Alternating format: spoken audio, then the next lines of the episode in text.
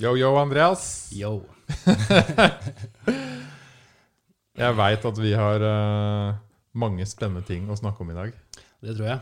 Eller spennende, annerledes, utforskende. Uh, kanskje uh, åpne folk sin tankegang og sinn litt. Det tror jeg vi har til felles og har lyst til å gjøre i dag. Mm, mm. Og det er jo lørdag morgen. Det er jo perfekt for å snakke om det litt supernatural stuff. Helt klart. Der kan vi nok rante litt fritt i dag, tror jeg. Ikke sant? Hvor skal vi starte den eh, reisen her, da? La oss eh, starte litt med min reise, da, for jeg syns den er litt sånn Jeg tror den er litt stereotyp i forhold til mange av oss som på en måte har um, brutt litt gjennom kulturen vår og vanlige tankemåter som er så Som har vært veldig sånn tradisjonell tankemåte om virkeligheten vi lever i, og oss selv. da. Jeg tror, jeg tror um, mange har hatt um, mange, Jeg tror mange kan kjenne seg igjen i mye av den reisen min. da. Så den er nok ikke unik, men den er spennende. Fordi jeg har alltid vært veldig interessert i naturvitenskap og liksom det å finne ut av ting. Jeg har alltid vært veldig nysgjerrig som uh, unge. Så når jeg vokste opp, så var jeg alltid en som utforsket og prøvde å uh, Ja, jeg leste alt om, liksom, alt om dinosaurer, alt om space, alt om sånne ting jeg kunne komme over. da. Jeg var alltid veldig Jeg ble jo veldig um, kan du si, indoktrinert i vanlig vestlig vitenskapelig tankegang. Da. Så jeg var veldig kan du si, materialistisk, eh, reduksjonistisk, i den grad at jeg, jeg, jeg, ble veldig opptatt av at alt kunne forklares med sine, eh, ved å redusere det til sine minste bestanddeler. ikke sant? Sånn som typisk vitenskapelig approach. Um, og så um, Så jeg var jo en veldig ateistisk type. Uh, men uh, det endret seg brått når jeg kom over Jeg ble introdusert for psilocybin da etter hvert Mm. gjennom en, venn av meg. Og det er jo da, som du vet, en psykedelisk sopp som jeg trodde det da var liksom et rusmiddel. Det var det jeg hadde lært på ungdomsskolen og sånn. Jeg var kanskje 20 år gammel. Og så tenkte jeg så det her må man jo prøve. Og eh, jeg regnet med at det skulle bli liksom litt sånn eh, tåkete og weird, sånn som man blir når man tar en joint, f.eks., eller sånt. Men det ble jeg ikke. Så tvert imot så ble jeg liksom eh, Den opplevelsen der, da, den starta på en måte en en, en reise um, som forandra veldig mye i meg, da. Um, jeg, eh, den første gangen jeg prøvde det, så, så var jeg så sjokkert over um, at jeg, altså Plutselig så var jeg inne i et landskap hvor du så helt fantastiske, vakre, ubeskrivelige ting. Eh, fraktaler som spinner seg innover i uendeligheten, og fokuset var s- superklart, og verden så helt annerledes ut. da. Og så tenkte jeg liksom Shit, her har det skjedd noe gærent. Hvordan i all verden kan dette her bare ha blitt ignorert? Jeg leste et, eh, en paragraf i, i jeg husker ikke, samfunnsfagboka om at dette her var et rusmiddel, liksom. Det er det jeg husker. Og så, og så har de bare skjøvet det til side. Jeg bare, Her har det skjedd noe feil. Her er det noen som ikke har gjort hjemmeleksa si, fordi det her er noe stort som har blitt oversett, tenkte jeg da. da. Jeg visste ikke så mye mer om det. Det, det var jo selvfølgelig andre som har eh, undersøkt dette tidligere. Men som samfunn så har vi ikke noe forståelse for eh, potensialet som ligger der, da. Um, ja, så etter det så gikk jeg vel gjennom en Eller det vil si, jeg skjønte det, det, det første opplevelsen var sånn at den, den vekket en nysgjerrighet. Og så når jeg gikk dypere inn i dette, eksperimenterte mer, så, så hadde, endte det opp med en veldig kraftig opplevelse som var en slags ut av kroppen-opplevelse, hvor jeg eh, forsto at bevissthet og kropp ikke nødvendigvis eh, Altså at ikke kropp nødvendigvis produserer bevissthet. da. Mm. At uh, bevissthet kan eksistere separat fra kropp. Og det trigget en veldig stor identitetskrise i meg, da. Siden, siden jeg var en ateist. Jeg var materialistisk, reduksjonistisk, jeg var rasjonalistisk. Og så plutselig hadde jeg en veldig kraftig subjektiv opplevelse hvor jeg, forst, hvor jeg liksom skjønte oh shit!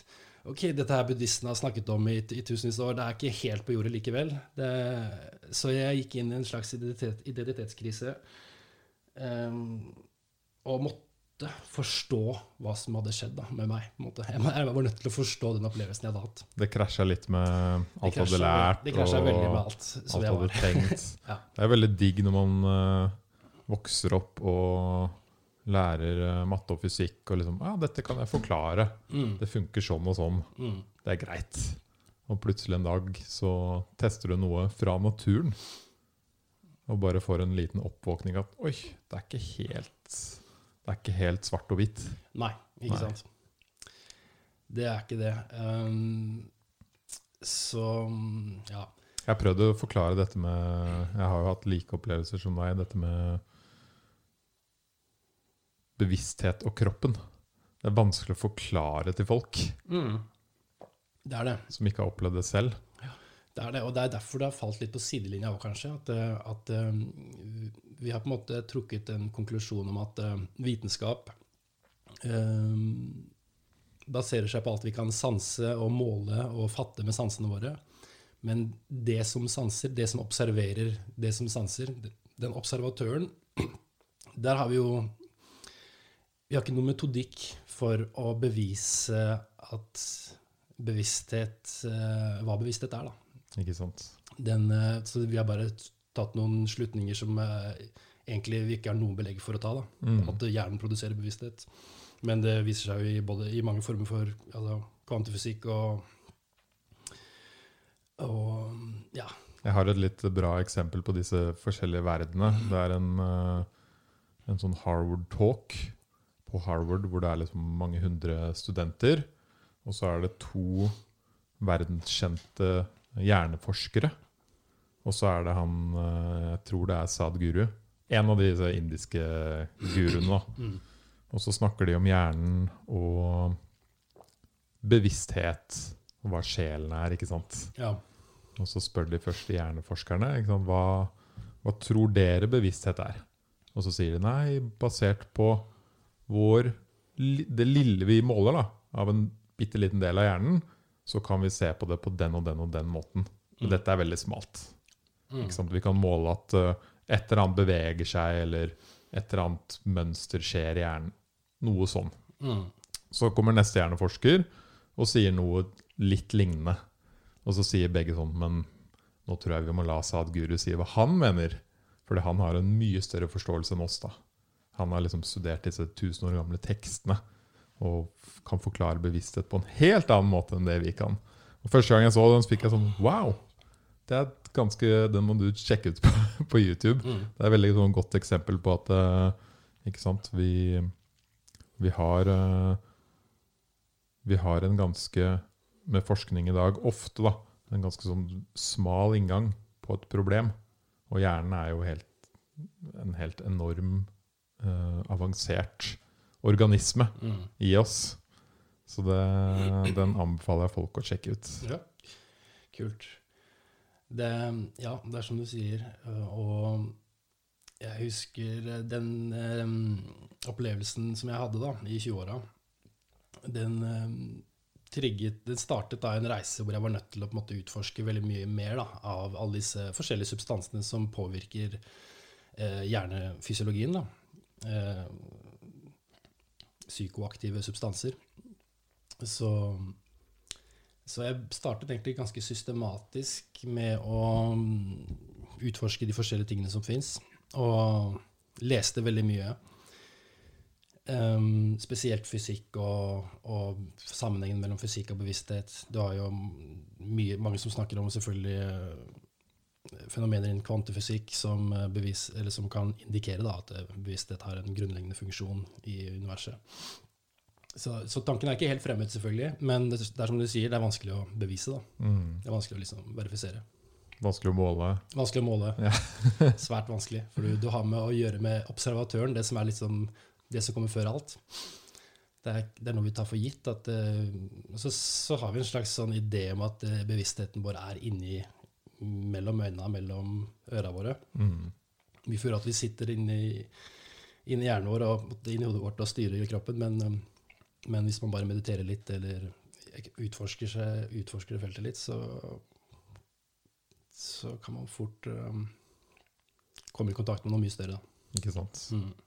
Og det som er uh, spennende med det her, er jo at uh, det samme skjer jo med folk som tester det i hele verden. Nettopp. Akkurat det. Det er ikke noe unikt. Nei. Eller altså, Du hadde jo en, din unike opplevelse, men det du forteller etterpå, Mm. det er ikke noe unikt. Det er ikke det. Det er akkurat det, og det er det som er så morsomt. Altså, når jeg leser om dette, så de kaller det så sånne åndelige opplevelser eller mystiske opplevelser hvor du, hvor, du, hvor du opplever en slags egodød, hvor bevisstheten smelter inn i omgivelsene, og du kjenner en veldig sterk eh, enhet da, med universet. Det er jo det mange oppnår kun gjennom meditasjon eller yoga og sånne ting. I buddhistene kaller det for satori-øyeblikk. Eh, så spesielt en, eh, en, runde, mm, en runde jeg hadde Det var en fase av livet mitt. Jeg har lagt dette litt bak meg nå, egentlig, men det var en femårsperiode eh, hvor jeg eksperimenterte veldig mye. Og det var en, en, mange hendelser som står ut, men en av de største som trigga den første krisen min. Um, som betyr veldig mye for meg, på en måte, den opplevelsen. Da hadde jeg liksom tatt en ganske høy dose, litt sånn fulgt Terence McKenna sine, sine formaninger om fem gram i stille mørke osv. Og så, så kjente jeg det kom en sånn kraftig bølge, for det kommer gjerne litt bølger, ikke sant. Og så, så bare separerte bevisstheten seg veldig tydelig fra kroppen, og så huska jeg Det var bare sånn Å ja, shit, det går jo ikke an å dø. For den, det konseptet med døden ble bare så latterlig. Det var liksom Selvfølgelig kan ikke dette dø. Det her er evig. Og, så, og, og da kom jeg i kontakt med noe sånn utrolig vakkert og dypt eh, sannhet da, inni meg, som ingen kan på en måte fortelle meg at det ikke var sant. da. Ingen kan, eller så, Man kan prøve, selvfølgelig, men jeg vet jo at det var en sann opplevelse. Mm. Det var min opplevelse. Det var min eh, Jeg husket det. eh, At eh, det jeg egentlig er, er en evig kilde. Og det er det samme som du er, og som vi alle er. Og at det- den er um, uavhengig av eh, liksom det som skjer med kroppen. da. Mm. Så det var en veldig spirituell opplevelse sånn sett. Og jeg husket på en måte tilbake til ja, Det er vanskelig å beskrive. da. Det blir, når man setter de tingene her i ord, så merker du at du reduserer veldig mye av det. Mm. Det er akkurat det. Så, så det er liksom Man kan bare fortelle litt, eh, litt rundt det, men, men det, det, var, det, var, eh, det var vakkert. Så, og senere så, jeg, så begynte jeg da å utforske um, ganske mye med ayahuasca også. Og, og det var um, Da begynte egentlig det mer personlige arbeidet med å, å uh, Altså mm, en ting er når man har disse opplevelsene, så kommer det kanskje litt ut av kontekst, og du kan, men når man begynner å integrere det mer, og begynner å jobbe med seg selv, så, så, avdekker man jo, så ser man jo veldig mange aspekter av seg selv, da, som er gamle programmeringer og mønstre og atferdsting. Mønstre som du bare, skjønner, bare våkner opp til. Da. Du forstår Oi, shit, hvorfor, hvorfor holder, jeg på med det? holder jeg på med det? Hvorfor røyker jeg, f.eks.? Jeg røyka jo på den tiden. Sigaretter. Mm. Hvorfor vil jeg gjøre kroppen min så vondt? Eller fordi jeg så hvor, hvor vakre vesener vi er, da, og hva vi egentlig Altså at vi eh, Ja. Så jeg, det ble mye selvarbeid, da, kan du si. Personlig arbeid i den perioden også. Spesielt eh, Eller det, det prøver jeg gjøre ennå, selvfølgelig, men, men, eh, men det akselererte den prosessen der, kan du si. Ikke sant? Det er jo Som du sier, man får opplevelser som viser deg at det fins mer enn den boksen du lever i. Mm. Og at uh, innenfor den boksen du lever i, eller de mønstrene eller vanene du har, så er det kanskje noen ting du gjør som ikke er bra for deg. Mm. Men det er vanskelig å se til vanlig. Det er det. Man blir eh, det, man, man tror på tankene sine. Man tror, på man tror man er programmeringene sine. De fleste av oss gjør jo det, og Mm. jeg gjør det den dag jeg òg, selvfølgelig. Men eh, nå er jeg i hvert fall klar over at jeg er mer. At jeg, hvis jeg jobber litt med meg selv, så kan jeg frigjøre meg fra tankemønstre som er egentlig feil. Da. Alle tanker vi har, er jo en begrensning av virkeligheten, kan du si. En eh, definering av noe som er egentlig udefinerbart. Jeg har en, eh, en Oskar som har vært her på podcasten før. Han er jo Han jobber jo som terapeut med psilocybin og, og MDMA. Ja. Og han har jo sagt det at eh, Eller når vi har snakket sammen, da, så sier han det at eh, ikke sant Det er det også mange andre som, som sier. Etter du har vært gjennom en sånn opplevelse, så er du på en måte hjernen din eh, mer åpen for å danne nye gode vaner og fjerne dårlige. Du har liksom rensa harddisken. Mm. Du starter med litt clean slate. Ja, det er en god analogi. Ikke sant? Du, du er rensa, og du har blåst ut støvet. Mm. Eh, og så sa han det Den, den kommende liksom måneden etterpå er egentlig den viktige. Mm. Og den veldig mange undervurderer. da. For da er hjernen helt på og klar for å ta inn nye vaner, fjerne seg med gamle. Eh, men hvis du hopper rett inn i vanene dine igjen da, Mm. så glemmer du, og så går du bort. Mm, mm, ja. Det kan jeg kjenne meg igjen i, det. Det er um, Ja, når det kommer til det her sånn generelt, så er jeg er ikke noe jeg, jeg, Som jeg sa, så holdt jeg på med dette i en femårsperiode. Det er snart 20 år siden. Eh, og jeg kommer ikke til å gjøre det igjen, fordi den, jeg fikk det jeg skulle ha, på en måte. Ja. Uh, og jeg ser det på litt som Det er litt som avføringsmiddel eller noe. det er liksom Du er blokkert. Jeg var blokkert. Jeg kunne ikke se Jeg kunne ikke se mer enn mine egne tanker. da, Forbi mine egne tanker, forbi mine egne definisjoner og trossystemer. Og så får jeg denne kraftige, eksplosive opplevelsen som bare nullstiller, som du sier. Renser ut alt. Mm. Og, og gjør systemet mitt mye mer åpent for å ta inn ting som det er, da, uten å definere det. Bare ha liksom um, um, The present moment of direct experience, eller noe sånt som Terence McKenna sier. Bare det å kjenne, uh, kjenne ting uten å defin måtte definere det. Så Og det du sier der, er jo det som er uh, utrolig bra for mange. Jeg hørte på han Rick Doblin, tror jeg han heter. Han som er grunnlegger av Maps. Og det er jo de i USA som forsker på det her nå. ikke sant? Hvordan kan vi bruke f.eks. psilocybin eller MDMA til å spesielt redde folk som har PTSD? mm, For det er noen av de menneskene som sliter mest da, Ja. med psyken sin og lidelser. absolutt. Og han sa jo dagens medisiner, de går inn, og så hjelper de deg å dempe, og så må du ofte ta de over lang tid. Ikke sant? Uh, antidepressiva osv. Og, så Mm, og så har det liksom ikke en Det kan hjelpe deg å dempe og få deg til å slappe av. Liksom, det kan få deg inn på bedre tanker, ja.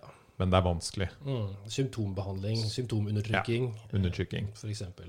Men så sa han uh, i vår forskning med disse nye medisinene, Mm, så er det bare to eller tre sesjoner. That's it. mm, mm, Og når da 60-70% blir eh, helbreda, mm. så sier han dette er liksom groundbreaking. Ja, ikke sant? Og de trenger ikke å ta det igjen. Nei. Og da viste han masse folk som f.eks. hadde vært i krigen, Mm, og som hadde opplevd at det var en som hadde opplevd eh, vært i Afghanistan. To av vennene hans tror jeg ble drept foran øynene hans. Og han hadde gått med dette i ti, ti år eller noe. PTSD, stor depresjon, skyldt mye på seg selv. Men når han hadde tatt da en terapeutisk psilocybin-opplevelse på Maps, så hadde han opplevd at disse vennene hadde sagt til han at vi vil jo egentlig at du skal leve livet ditt. mm, Det er det vi vil. Du må slutte å liksom la ditt liv bli ødelagt pga. oss. Han følte at han fikk kontakt med dem, eller? Ja. ja. Så vi vil gi deg en aksept for at du kan leve videre. Mm, så flott. Og live to the fullest. Mm, mm. Og det hadde han gjort. ikke sant? Han, han trengte ikke noe mer. Nei. Han nei. ble er intervjua. Jeg, jeg, jeg, jeg trengte bare det. Mm. To ganger. Boom. Veldig fascinerende, og jeg kan relatere veldig til det. Fordi jeg tror det, litt av dragningen min mot dette her, um, det var egentlig Jeg hadde et, eh, en veldig traumatisk opplevelse i, i barndommen som jeg eh, undertrykte. Og, jeg, og jeg, den kom veldig opp da når jeg jobbet, begynte å jobbe med ayahuasca.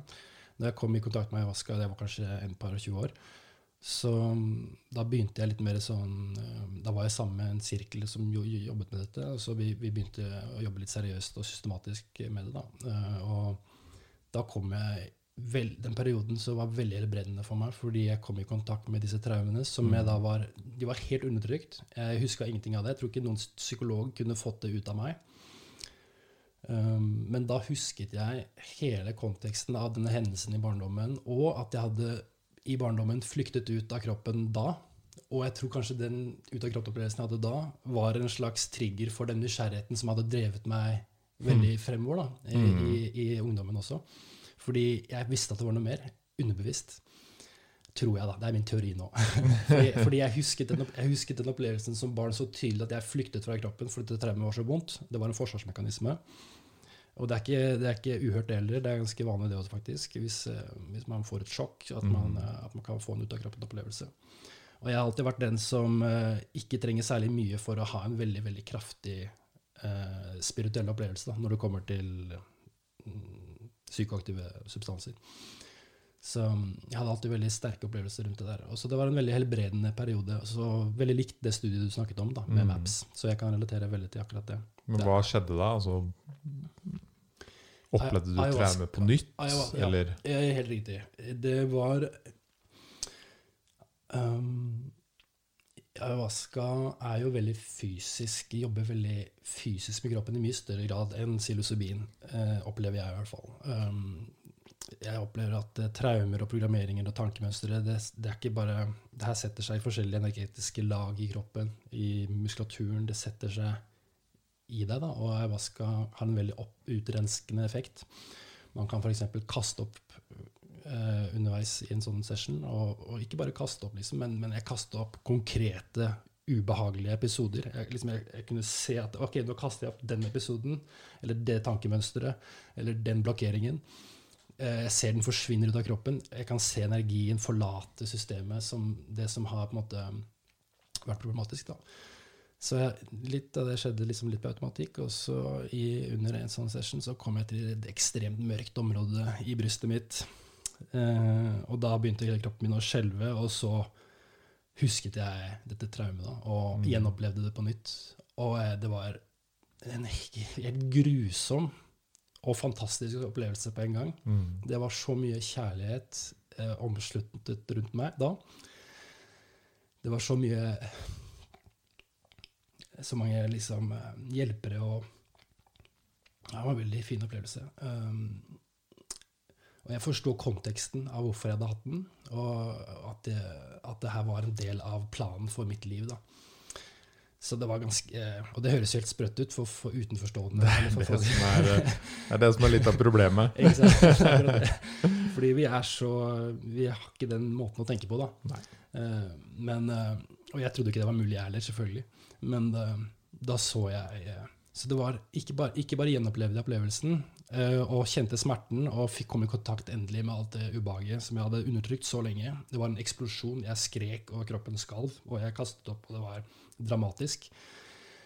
Men samtidig så, så, så fikk jeg all denne informasjonen om hvorfor og konteksten rundt, og at jeg hadde selv ønsket eller altså, Det høres jo helt sykt ut, det òg, men, men at, det, at, det, at det var en plan med det, en mening med det. Og, Mm. og, og all den konteksten det ga meg så mye trygghet og så mye ressurser til å prosessere den opplevelsen i ettertid Mm. på en veldig god måte. Selv om det var en opplevelse som de fleste, eller mange, trenger eh, årevis med, med psykiatriarbeid, rett og slett. Ikke sant?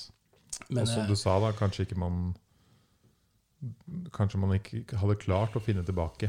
Nei, ikke sant. Jeg Til den traumen. Ja, ja, jeg- akkurat det. Jeg hadde vært, og det ser man jo også når man kommer i kontakt med en sånn undertrykt del av deg selv, hvordan den egentlig har vært i kontroll over veldig mye av atferden din.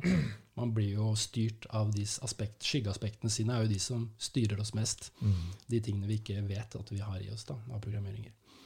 Så eh, det å bli kvitt, eller det, det å ikke bli kvitt, men det å komme i kontakt og forstå det aspektet av meg selv, det var eh, en veldig dyp opplevelse. Og jeg Det trigget da liksom Da var det to, tre, fire sessions til hvor dette var temaet for meg.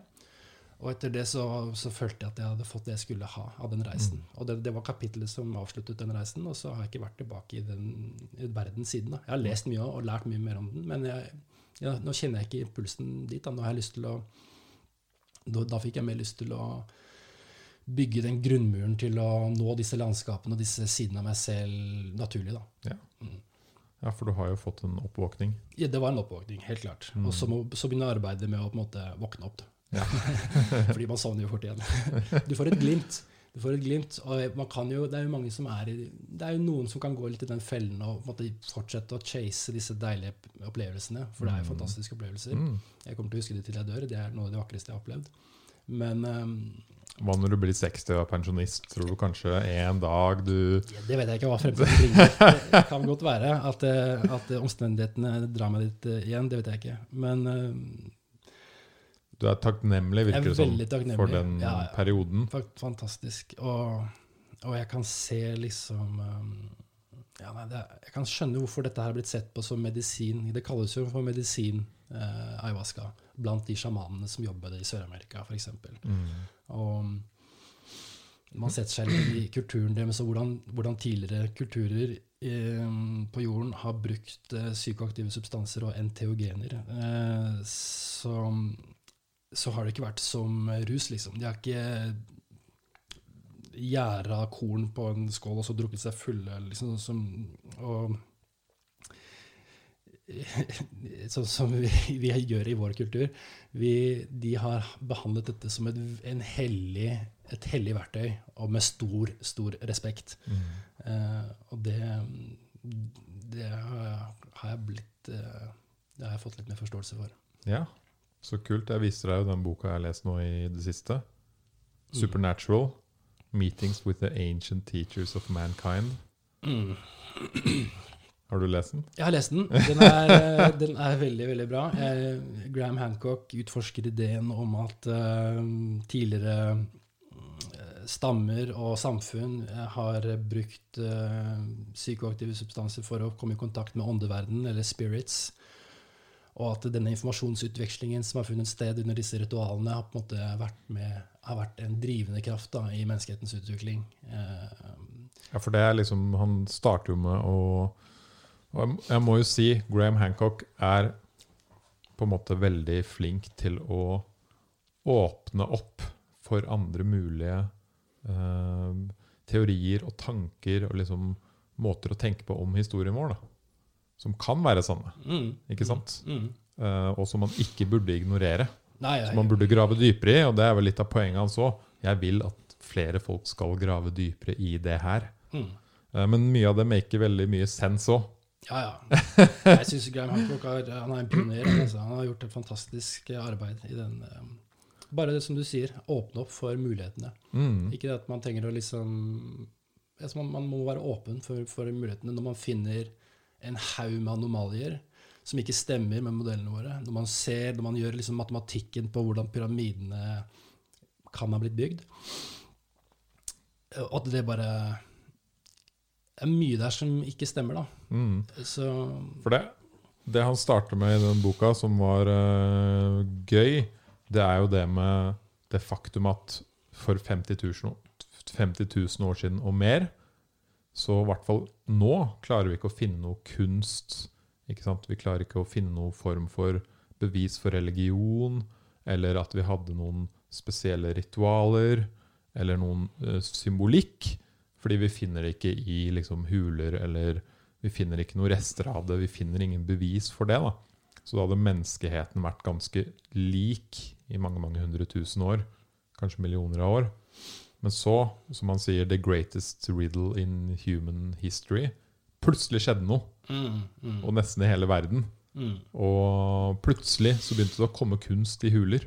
mm, Ikke sant? Man finner plutselig instrumenter, musikkinstrumenter, og man finner eh, smykker. Liksom. Man begynte å pynte seg for hverandre. mm, Og hva, han graver jo hva er det som skjedde på den tiden, egentlig. mm. Veldig spennende. Det er jo det han Terence McKenna kaller for stoned monkey theory. At, eh, men men altså, da, da snakker vi jo for så vidt enda tidligere, da, egentlig. Ja. Eh, men likevel, da. Han, han ser for seg da at um, menneskeheten i, liksom, som primat begynte å spise psykedelisk sopp av um, kudynger. Og at, eh, at det var en katalysator for at du utviklet språk, f.eks. Eller høyere abstrakt tankegang. Og er det én ting man opplever eh, blir akselerert disse, under disse ritualene, så er det jo abstrakt tankegang og høyere Altså det å tenke på en helt annen måte og se verden på en helt annen måte. Um, Men som du sier, det med kunst Vi, vi ser jo eh, i den boken her blant annet, så er det jo en veldig stor samling av um, hulemalerier og kunst fra, fra det 50 000 år tilbake rundt der, som, uh, som viser uh, dans og sånn rundt med masse avbildninger av bl.a. sopp eller uh, i Sør-Amerika er det jo også mye referanser til ayahuasca og ayahuasca-gudinner og, og, sånne ting. Så. Ja, og Det han også ser i de hulene, som han utforsker videre, det er jo For det første ser han the supernatural. Ikke sant? De har ikke malt vanlige mennesker. De har malt mennesker med løvehoder, og de har malt mennesker som er halvt dyr, mm, halvt supernatural, mm. halvt engel, halvt, liksom, halvt gud. Mm, uh, en mm. supernatural menneske ser du ofte. Mm. En annen ting man ofte ser, som er også i de tidligste hullmaleriene, er dette med at folk blir eh, torturert. Så de har masse sånn spyd gjennom kroppen. Mm, mm. Det vil jo være et fin, eh, fint bilde på f.eks. den opplevelsen jeg hadde. da. Ikke sant? Når, når jeg ble knust, jeg følte at jeg ble knust. At jeg ble eh, revet i filler, på en mm. måte. Fordi egoet blir revet i filler. Og det er kanskje litt det han spekulerer i. at uh, det kan være en symbolikk på at uh, sjamanen er nødt til å bli knust og på en måte drept i gåseøynene for å gjenoppstå mm. eller se verden på nytt. da. For det, her, det, er nå også nå det begynner å bli gøy. Det er nå han sier OK um, Greit, det er det vi ser i hulene, men hvor andre steder i verden har vi sett dette? Hvor kan vi se det i dag? Det er uh, da når folk tar sånne plantemedisiner. Mm. Og så er det under ufo abductions. Mm. Altså når en ufo har kommet og, og abducta noen folk. Det er det de husker ofte. Mm. At de ble tatt opp i et lys, og så ble de en eller annen form for torturert. Abducted, ikke sant? Og så ble de lagt ned igjen mm, på mm, Godt poeng. Og så sier han det er det samme som også skjedde med uh, feer på 60-tallet. Hvis du leser i historiebøker, på 60-tallet så var det ekstremt mange hendelser av feer. Mm. De beskriver også det samme. Egentlig helt lik hendelse. Mm. Mm. Og man ser det i religion. Ja. Ikke sant? Hva er det disse store religionbøkene beskriver med mm. Jesus osv.? Og, og ikke minst eh, nær døden-opplevelser. Ikke sant? De også er veldig viktige. Nå, er det en fin serie på Netflix eh, laget av Leslie Keane, som er eh, en journalist vi skal snakke om litt senere, mm. eh, som handler om akkurat det. Nær døden-opplevelser og liv etter døden. Eh, kom ut nå for noen dager siden, så den anbefaler jeg. Eh, jeg, etter de, i, i, den eh, femårige reisen min husker jeg jeg, jeg leste veldig mye fysikk, men jeg leste også veldig mye nær døden-opplevelser. Jeg var veldig nysgjerrig på det. fordi mm. det, det, er egentlig kun først i nyere tid vi har hatt teknologi og kunnskap til å bringe folk tilbake etter hjertestans og hjernestans. Og sånne ting. Og de historiene som kommer der, er også veldig like på tvers av kulturer, på tvers av alder og, og religion. Hva er det de folk sier de opplever? Det er, um, det, altså, ofte, det er liksom flere faser da, av nær-døden-opplevelsen som er veldig typiske. Det er at um, de først svever utenfor kroppen. Og det som er interessant da, er at de kan observere veldig konkrete ting som skjer i sykehusrommet. De kan, liksom, etter, I etterkant kan de fortelle hvilke instrumenter som ble brukt, hvilke prosedyrer som ble gjort. Mm. Uh, og det er det som har fått en del leger til å sperre, få litt øynene opp for dette. da. Uh, og, så, og, så, kommer det um, kanskje en tunnel hvor de reiser gjennom mot et hvitt lys, og så kan de møte kjente og kjære slektninger, eh, vesener og lærere som kanskje forteller dem ja, De får innsikter som de ikke har hatt. De, de ender jo som regel da siden, eh, med å komme tilbake, eller blir fortalt at de må tilbake. Ofte som regel mot deres vilje. De vil jo være der i dette fantastiske nye landskapet. Men eh, Det er sprøtt at man Jo, og i tillegg så har man like opplevelser mm. blant stammer i hele verden når man har ritualer hvor man enten sulter seg selv, eller danser mye, mm, mm. eller faster, ja. eller mediterer. Ja. Så, så disse opplevelsene er liksom Det er ikke sånn at det bare skjer når du tar psykedelika. Nei, det er et veldig godt poeng. Og, og, det finner man jo i den mystiske kjernen av alle religioner, som sufisme for eh, islam og gnostisisme i kristendom så er det en, um, er det en skole hvor, de alltid, hvor, de, hvor det er masse forskjellige verktøy for å nettopp oppnå den ekstatiske tilstanden. Da. Eller den tilstanden av egodødhet. Alt fra liksom å, som du sier, danse, spinne rundt i timevis. Eh, som, Puste. Som en dervig pusteteknikker. Mm. Um, alt som eh, på en måte dytter bevisstheten ut av den programmeringen eh, vi er i, i det vanlige. Jeg skal bare spole litt tilbake til det du sa om traumer i stad. Jeg hadde jo en prat med en venninne som hadde en veldig eh, dyp traume fra da hun var liten. Hun visste heller ikke på en måte, hun huska den ikke lenger. Hun kom i kontakt med den ved å kjøre pusteøvelser. Nettopp. nettopp. Så hun tok ikke noe Ikke plantemedisin, Mm. men hun uh, var med en som drev med sånn uh, Holotropisk pusting. Ja. Mm. Og da plutselig bare ble hun sendt tilbake til når hun var barn, og fikk sett hva den traumen var som hadde plagd henne hele livet. Mm. Så disse egenskapene er, er i oss, helt klart. Det er, det er ikke tvil om det. Det er bare snakk om å finne riktig verktøy som trigger det. Mm. Og det er en del av disse jeg har sagt der før òg. Vi har nok veldig mange verktøy i oss som vi har glemt. Vi har det. Ja, vi har et enormt potensial, tror jeg. Og det tror jeg også er litt eh, Det er det som er så spennende med, med oss og med dette, er jo når vi definerer oss selv, at vi har en kultur som definerer hva vi er, en eh, kalender eh, og samfunnsinstitusjoner som definerer liksom, tid, rom, hva vi skal gjøre, hva vi skal tro oss om oss selv. Når man kommer litt utenfor det, så, så ser man altså, hvor mye vi begrenser oss selv da, med disse mm, trossystemene. Og vi har, eh, vi har nok et helt enormt potensial, egentlig. Mm. Vi vet, vi vet jo ikke hva vi er Nei. kan, du kan kalle oss et pattedyr eller en, eh, et utvikling av, en, av et primat. Og så kan du beskrive alle mulige materielle kvaliteter ved kroppen og fysiologien vår, men vi vet jo ikke hva vi er. Nei. Og hva bevissthet er, hva livet er. Altså Alle de største spørsmålene er, er, blir bare mer og mer mystiske, egentlig, jo Mm. mer vi, vi prøver oss. Og det er der igjen, da. Det er der du får bedre svar hvis du spør en, eh, en som har eh, En indisk guru som har studert gamle tekster i mange år, enn en hjerneforsker på Harvard. Ja, og den, Ofte. og den indiske guruen har sannsynligvis gjort veldig mye indre, introspektivt arbeid. da. Ja, Så, det er liksom, akkurat det. der- buddhistene har en eh, Altså vestlig verden har en, en eh, materiell vitenskap, og, og, og Østen har i mye større grad selvfølgelig en indre vitenskap. De har Mm. jo 500-600 forskjellige navn på bevissthetstilstander og nivåer. Og har ganske mye mer styring da, sånn i, i eh, ja, tradisjonen deres på, hva som, på hvilke nivåer vi, vi har i oss. Mm. Jeg vil gå litt tilbake til den her eh, Vi snakka om disse opplevelsene folk har hatt, Mm. som er så like. Ikke sant? Og det, det mest nylige man kan øh, Man kan høre om rundt det her, det er jo ufo-opplevelser. Mm. Ikke sant?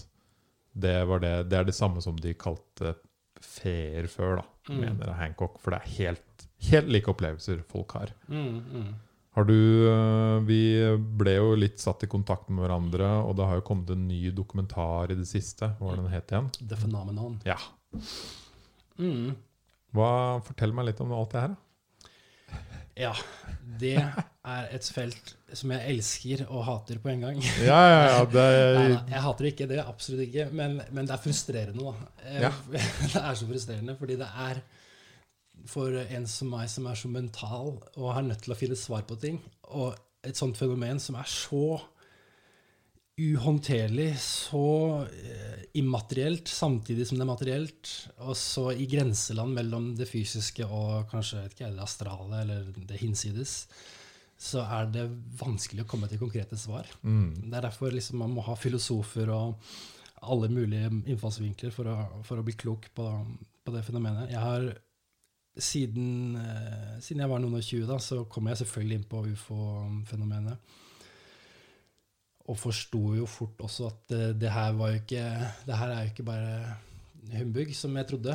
Eh, fordi hvorfor er det ikke humbug? Fordi når jeg, når- ok, Hvis du sitter rundt middagsbord da, mm, hos noen folk mm, og begynner å snakke om ufoer, mm. så tenker du hva faen er det, hva er det du babler om nå? Ikke sant? Bors ja, akkurat det. Hvor er det man starter da? Ja, Man må vel starte med det som fins av empirisk bevis og, og fordi det er der de fleste kan liksom få noe håndfast. da. Ja, Og hva er det? Hva er det? Det Det er en hel del. Men det er ikke noen Det er det som er problemet, at vi Vi har ikke noen sånn Vi har ikke noen smoking gun evidence på, på at ufoer fins. Nei. Du har mange, mange subjektive anekdoter av, av mennesker som har hatt opplevelser, som har sett enten fartøy eller, som du nevnte, ab- hatt abductions, til og med. Uh, Ja, og det er ikke få. Nei, det er ikke var jo få. det Det de viste i den dokumentaren. og. Det, det måte, og I tillegg så har du jo mm, en hel del uh, hendelser som er, eh, hvor, hvor det er involvert uh, liksom, militære piloter og radarobservatører, folk som er troverdige, som uh, rapporterer Da. Og, kan, og vi har opptak med både bilder og video, for så vidt, uh, som uh, er med å lage en, et bilde av at her er det noe. Her er det noe som burde tas seriøst. Det er ikke noe man bare kan le av og liksom Hæ, du er gæren som tror på det. Fordi, fordi Punkt én, vi vet at ikke man kan reise fra en annen solsystem eh, hit, for det ville tatt eh, 10 000 år, eh, fordi man kan, ingenting kan reise fortere enn lyset. Altså Man begynner disse akademikerne å sitere ting de lærte på ungdomsskolen, og så er de veldig stolte over seg selv fordi de siterer vitenskap, og så tenker de ok, det kan ikke være mulig. Men vitenskap bør starte i riktig ende. Først må vi erkjenne at det observeres noe, og så kan man begynne å tenke? Så kan man begynne å spekulere i hva dette er etter hvert. Ja, for det du sier der, er jo det de viser i den dokumentaren. Altså, I USA var det så mange som meldte inn at de hadde sett det. Ja. Altså mange hundre tusen opp gjennom årene. ikke sant? Ja. At de bare Å, shit! Nå må vi lage en vi må, altså, Nå må vi bare lage en forskergruppe som sjekker ut det her fenomenet. Ja. Sånn at vi kan prøve å gi noen svar. Mm, mm, Og da klarte de jo å bevise 80% eller noe. mm, Med liksom Ja, det er fordi skyene beveget seg sånn, og sola sto sånn. mm, mm. Men så var det 10 eller 20 da, av mange mange tusen historier som var sånn Dette klarer vi ikke å forklare med på en måte vår Ja. science i dag. Ja, ikke sant? Enten at de, det her er um, objekter som eh, beveger seg for fort, eller har eh, flyr og eh, endrer hastighet. Sånne ting. Uh, Men det, det var da Project Blue Book du eh, Mm. eh, refererer til, på 50-tallet. Hva er Project Blue Book? Um, det var en, um, som du sa, en uh, komité eller en gruppe som ble nedsatt av uh, US Air Force for å verifisere eller avkrefte om dette her var noe hold i, da, etter mm. utallige rapporter fra, fra sivile. Uh, men det som er med, med um, dette fenomenet, er at det er en, en ganske sterk uh, interessekonflikt mellom um, politikk og militær strategi og politikk og det å rapportere sannheten Mm. når det kommer til dette, fordi en stat eh, skal ha kontroll over alt som flyr i dets begrensede luftrom. Og når det er noe som driver og svever rundt der eh, og leker katt og mus med dine mest avanserte jetfly, så blir det plutselig en ekstremt eh, stor nasjonal sikkerhetssak. Da. Og en trussel, ikke Mm. minst. Og det er jo en trussel. Hvis, det, hvis, hvis noen hadde Hvis du våknet opp en morgen da, og du ser at noen har drevet og romstert rundt i huset ditt, og så, og så skjer det gang på gang på gang, på gang, så ville du jo blitt bekymret. Da begynner du å få noia. Du begynner å få noia. Og jeg skjønner at militæret i USA fikk noia på, på 50-tallet. eh, Så, så som du sier, så ble det rapportert inn veldig mange ufo-observasjoner. Det ble gjort eh, ganske mange bra videoopptak også. Det var eh, hendelser som kom i nyhetene. Det var um, hendelser hvor, hvor uh, det ble sendt opp jagerfly for å avverge eller uh, deflekte disse objektene. Da. Spesielt uh, en hendelse over LA i 1947 som heter The Battle of LA, hvor det ble observert et objekt som Og det var lyskastere mot objektet, og det var jetfly som avfyrte skudd over en stor Over LA. Liksom Patroner regnet ned på byen, liksom. Tenk, altså, det er ganske crazy. Ja. De, de skøyt ikke mot en sky eller mot en ballong, liksom. Det, og det er greit, og så kan man sikkert finne en eller annen skeptisk forklaring på det. At de kanskje dreit seg ut og, og faktisk skøyt på en eller annen sky, da. Militæret. Verdens mektigste luft- luftvåpen. Men når dette skjer gang på gang på gang Det har skjedd i Iran, i India i, Du har mange mange episoder. Det er ikke sånn, eh, nå gidder ikke jeg å ramse opp alle sånne enkeltepisoder her, men den som gjør litt research, vil finne mange godt dokumenterte episoder hvor det er masse eh, frigjorte dokumenter og eh, ja, eh, godt oppsummert og godt dokumenterte tilfeller da, hvor militæret har interagert med uidentifiserte flyvende objekter, som har utmanøvrert dem på en helt eh, ja, som noe helt enormt. da. Ja, som de sier, det, dette er ikke vi, vi kan på ingen måte gjøre det de objektene gjør. Nei, ikke sant. Fordi de kjører rett fram, og plutselig så liksom snur de 180 grader og flyr Ja. helt andre vei. Ja. Og så fyker de andre vei, og plutselig blir de borte. Ja, ikke sant? Så du, du, det er en, um, en kar som- altså, vi, jeg vil jo si til folk at det er jo For min del, jeg har heller Jeg har ikke vært så mye inne i ufoer og sånne ting før. Men jeg syns jo det er morsommere å ha et åpent sinn enn å ha et lukket sinn. mm, Ja, ja. Ikke sant? Mm, Og hvis man, begynner, hvis man ser den dokumentaren og begynner å lese litt om det, mm, som du sa, så finner man også ut selv at det, dette er et eller annet mystisk. det er det. Det er akkurat det. Det er en kar som heter Richard Dolan, som har skrevet uh, veldig dyktig um, ufo-forsker, men han var egentlig en historiker som, eh, som skulle redegjøre for liksom, amerikanske presidenters historie. Og så kom han over noen sånne referanser til ufoer altså, i karrieren sin. Det var sånn karrieren han startet, egentlig. Så han var jo um, ferdigutdanna og skulle liksom begynne å skrive en bok om amerikanske presidenter. Og så tenkte han, finner han dette ufo-fenomenet, så tenker han ok, jeg får utforske det litt, og så blir jeg sikkert, eh, får jeg sikkert kontroll på dette snart. Og at dette her bare er noe, noe tull. Og så fant han jo bare flere og flere tilfeller og større og større, flere og flere referanser til det greiene her i historien. Og han endte jo opp med å, bli, med å skrive tre bøker som heter um, UFOs and the National Security State. Hvor han da går gjennom en kronologi av alle disse hendelsene. Da. Så det er en ganske dyp og rik historie der. Um, nå har jo dette kommet opp i dagen i det siste nettopp pga. Um, den artikkelen som kom i New York Times i 2017 som eh, Leslie Keane, blant annet, som jeg nevnte tidligere, eh, var eh, med på å skrive. Der ble det avdekket at Pentagon hadde brukt x antall millioner dollar på å forske på ufoer over en 10-12 års periode. Um,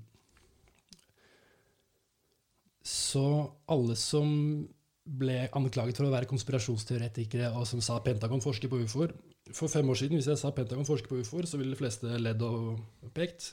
Men nå vet vi at de gjorde det. Ja. Og så kan man si ja, ok, det var, det, den ble kalt for uh, The Advanced Aerospace Threat Identification Program. ble det programmet kalt for. Og, og man kan si greit, det er naturlig at enhver stat ville ha et program hvor de på en måte redegjør for potensielle eh, uidentifiserte trusler fra utlandet. Droner, maskiner som kanskje, kanskje russerne har funnet opp noen ny teknologi. Klart, klart Pentagon vil, vil kartlegge det. Men, eh, men sammen med den artikkelen så kom det også tre, tre videoklipp uh, fra tre ulike hendelser i, i 2000 til 2010. Og um, hvor det var uh, igjen interaksjoner mellom piloter, uh, kampskip, radar, observasjoner av objekter som bevegde seg noe inn i helt ekstremt, ekstreme hastigheter. Mm.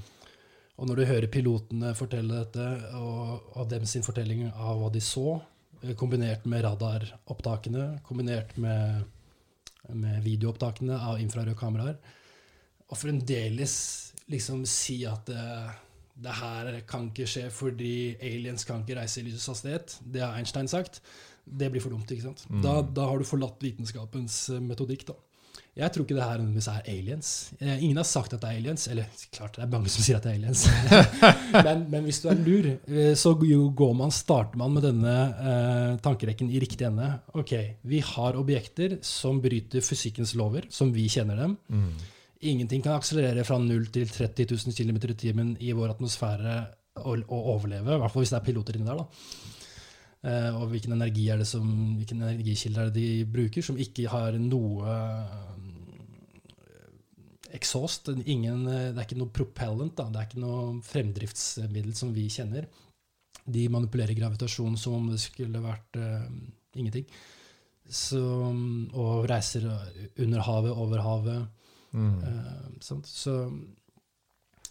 så, det er uh, interessant, for å si det mildt. Og, og nå er, snakker vi jo også om på en måte nå har vi jo forklart mange av historiene fra på en måte militæret og disse videoene som har kommet ut, ja. og den forskningen. Mm. Men så har du jo den sinnssyke mengden med mennesker da, mm. som har opplevd det her, ja. og sett det. Og det er jo bare altså Det baller jo på.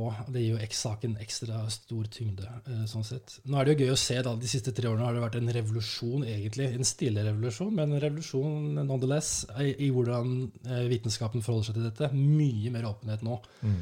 Uh, og jeg forventer og mistenker at det vil, de neste fem-ti årene vil vi se veldig mye mer åpenhet rundt dette. Det er spennende at samtidig som det er åpenhet på det, så er det det på psykedelika òg. Psykedelia har hatt sin, uh, sin uh, fase fra 2000-tallet og frem til nå, hvor det bare har blitt mer og mer akseptert, og mer og mer nysgjerrighet har oppstått rundt det. Det var veldig tabu når jeg, når jeg prøvde å komme hjem til mamma og pappa og fortelle om min LSD-opplevelse i 2004 så var det ikke, jeg ble ikke tatt imot med veldig mye entusiasme som jeg hadde. da. Jeg prøvde å si men dere det her var helt fantastisk, det her var vakkert. Mm. Det ble, Nei, det er ulovlig. Det ble ganske misforstått. Ikke greit. Ja. Eh, så det var tabu. Og det er fremdeles litt tabu, selvfølgelig. Mm. Eh, men det er mye større forståelse for at det, det er noe der. da. Og du har MAPS. Du har altså, organisasjoner som systematisk forsker på dette. Så, så, det er helt klart at det er på, på, vei, på vei innover. Men ja, Back to the Aliens. Back to the Aliens. Jeg skulle si én ting der. En ting, ja. Vi starta med Project Bluebook. Og, og det, det, som har kommet litt opp i ettertid, er jo egentlig at Project Bluebook var i mye altså Selv om, når man ser på selve prosjektet, så fant de, som du sa, 5 egentlig da, uh, uidentifiserte, ja, uidentifiserte tilfeller. Tilfeller de ikke klarte å beskrive. Men konklusjonen deres var likevel at dette her er um, ikke noe interessant. Det her har vi full kontroll på. Vi legger ned hele prosjektet. Det er ikke noe mer å se her. Uh, og, og, jeg tror det kommer av den interessekonflikten jeg nevnte, at uh, vi har å gjøre med uh, Det her er en forsvarspolitisk sak, liksom. Det er et stort problem for, et, for Forsvaret mm. at, at, dette fenomenet eksisterer. Og så har du jo Den teknologien det representerer, er av ekstrem interesse for militæret. Og Eh, jeg er jo Jeg heller jo mot at uh, Roswell-episoden var en reell episode. At uh, jeg u, Altså ufoer som vi kjenner den i populærkulturen, er ikke noe som mennesker på en måte bare har funnet opp. Og Grace er kule med de svære øynene og sånne ting. Det, det, det, det folk har liksom sjonglert om hva rekkefølgen på ting er. Mm. Ufoene kom først, og så begynte vi å tegne, tegne dem og bli interessert i dem. da. Roswell 1947 40, ja, jeg tror det var 47, like etter krigen, krasjet det en disk, angivelig, ifølge mange vitner, ifølge mange mm, som måtte, levde på den tiden. Eh, eller var i nærheten av det. da. Eh, og um, første dagen så, det, så var det stort avisoppslag. US Air Force is in the possession of a disk. ikke sant? Og så dagen etter så, så Nei, det var, ikke noe, det var ikke en disk likevel. Det var noe aluminiumsrester av en ballong. Og den storyen har de holdt de på i 40-50 år, før de etter hvert sa at det var, eh, de skyldte på et annet uh, hemmelig prosjekt, Project Mogul. Uh, eller sånn der, uh, ja, de, de, fant på en annen unnskyldning, da. men poenget mitt er hvis det flyr objekter rundt omkring i atmosfæren vår, hvis det er fysiske objekter som det ser ut til at det er, så er det ikke veldig usannsynlig at, at, at, det er ikke utenkelig at noen av disse her har krasjet. Og det er ikke utenkelig at uh, dette blir forsket på intenst i lukkede kretser. Og vi vet at det fins i hvert fall ett program i Pentagon nå nylig, men det som er um, interessant, er jo at han som var direktør for det, for det programmet i tolv år, Louis Elizondo, leder for det programmet i tolv år, han har jo vært en veldig sterk stemme for, eh, for dette her nå de siste tre årene. Mm. Og han sier han tror at myndighetene sitter på fysisk materiale av ufoer. Han tror at det er flere programmer, eller han sier at det er flere programmer som studerer dette, som har med teknologien deres å gjøre. og sånne ting. Uh, og, um, og han sa at, det, at ATIP, eller det programmet som de hadde i Pentagon, de fant også eh, masse bevis for eksistensen av dette fenomenet. Så, så ja. Så har du også da um, flere Han i Louis Elizondo, etter han, han gikk jo av det programmet i protest mot uh, den mangelen på informasjonsflyt. Det var veldig det som, det som dette programmet fant, des, uh, resultatene deres ble ikke formidlet til eh, disse forsvarstoppene som det burde. da, Like lett som det burde. Det var mye sånn ja, Så han slutta i hvert fall i protest, og så, så, og så han, ble han da med og Ja, det der er en litt lang historie, egentlig, men, eh, men eh, Fortell, ja. Fortell det du vil av, i hvert fall. Greit. Um, Tom DeLong, eh, artisten i Blink 182 Han er han har vært en ufo-buff hele livet sitt. Eh, og han har eh, kom i kontakt med mm, noen insiders i Pentagon gjennom en rockekonsert. Det er en lang historie der. Men, eh, men han opprettet et firma som heter To The Stars Academy. Etter å ha hatt en samtale med noen insiders i Pentagon. Og den samtalen deres hadde gått ut på at dette må det, situasjonen må forandres. Vi må få mer informasjon ut om, om dette fenomenet, da. Mm. Uh, I korte trekk. Og så og, og da fikk de på innsiden av Pentagon De satte Tom DeLong i kontakt med Louis Elizondo fra, fra ATIP, i Pentagon-programmet. Og eh, Christopher Mellon, en tidligere um, Han var vel tredje høyeste posisjon i Pentagon under Clinton-administrasjonen. Forsvarstopp på alle måter. Uh, og de dannet en organisasjon som heter To the Stars Academy, som, hadde som formål om å, eller som har som formål da, å, å åpne verden opp for eh, liksom, denne realiteten. da. Så, det, så, er, så, har de også Steve Justice med seg, som er en uh, direktør i Skunkworks. Har vært direktør 40 år. Uh, ingeniør. um, direktør for ingeniørprogrammer i Skunkworks, som er en del av um, Lockheed Martin. Mm. Våpenutvikling. Så, så det, det, er ikke, det er ikke smågutter i dette teamet. Og det de, de har ganske heavy bakgrunn, og, og de har uh, vært veldig pådrivere da, for, um, for, de prosessene som har skjedd politisk nå rundt dette fenomenet. Uh, fordi du har den artikkelen som ble løsgitt løsgitt i 2017. Det førte etter hvert til at um, flere senatorer ble brifet om disse hendelsene også. Um, senator Marco Rubio, blant annet, og, og en annen. Jeg husker ikke helt navnet. Mark Wall... Nei, jeg husker ikke helt. Uh, så uh, Det har igjen ført til at um, det har blitt opprettet nå Eller det, det skjedde faktisk noe nylig. Det ble lansert et lovforslag av Senatet for å Eh, danne en komité for å redegjøre for hva etterretningstjenestene, de ulike etterretningstjenestene i Forsvaret vet å sitte på av informasjon mm. om ufoer. I USA. I USA.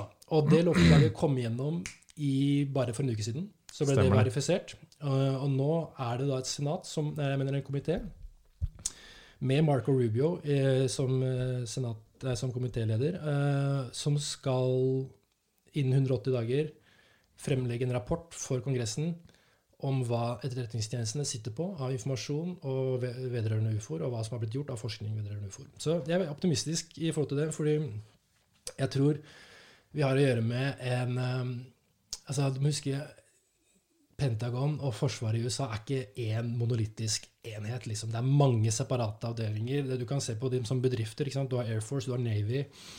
Uh, og, og, det er uh, Masse hemmelige deler. Masse interesser. sant? Uh, masse forskjellige ulike interesser. Og i tillegg så har du de svært uheldige, kanskje, alliansene mellom privatindustri og, og militær, militære interesser. Da. Og det er jo der, i det gråsjiktet der, hvor det kan skjule seg mye snusk.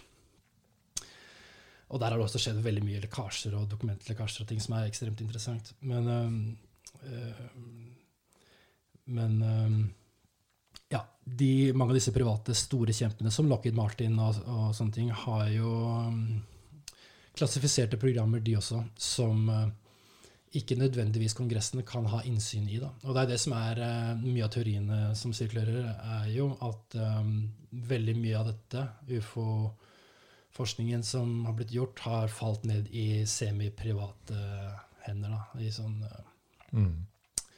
I disse uh, ja, private selskapene som har ekstremt mye makt og ekstremt mye penger. Og så kom det en rapport om 180 dager. Ja. Det blir spennende. Det blir spennende. Den Men tror du de får mer tilgang enn man har fått før? Ja, jeg, altså egentlig øh, jeg tror, det, jeg tror, ikke det, sitter en gruppe med ondsinnede folk i Pentagon og, og tenker, eller i Lockheed Martin skyld, og tenker at det, dette her skal vi tjene penger på hvis de sitter på faktisk, hvis de sitter på faktisk materiale. Uh, og det vet vi jo egentlig at de gjør, fordi To The Stars Academy de har, er også i besittelse av fysiske biter av det de mener er ufoer.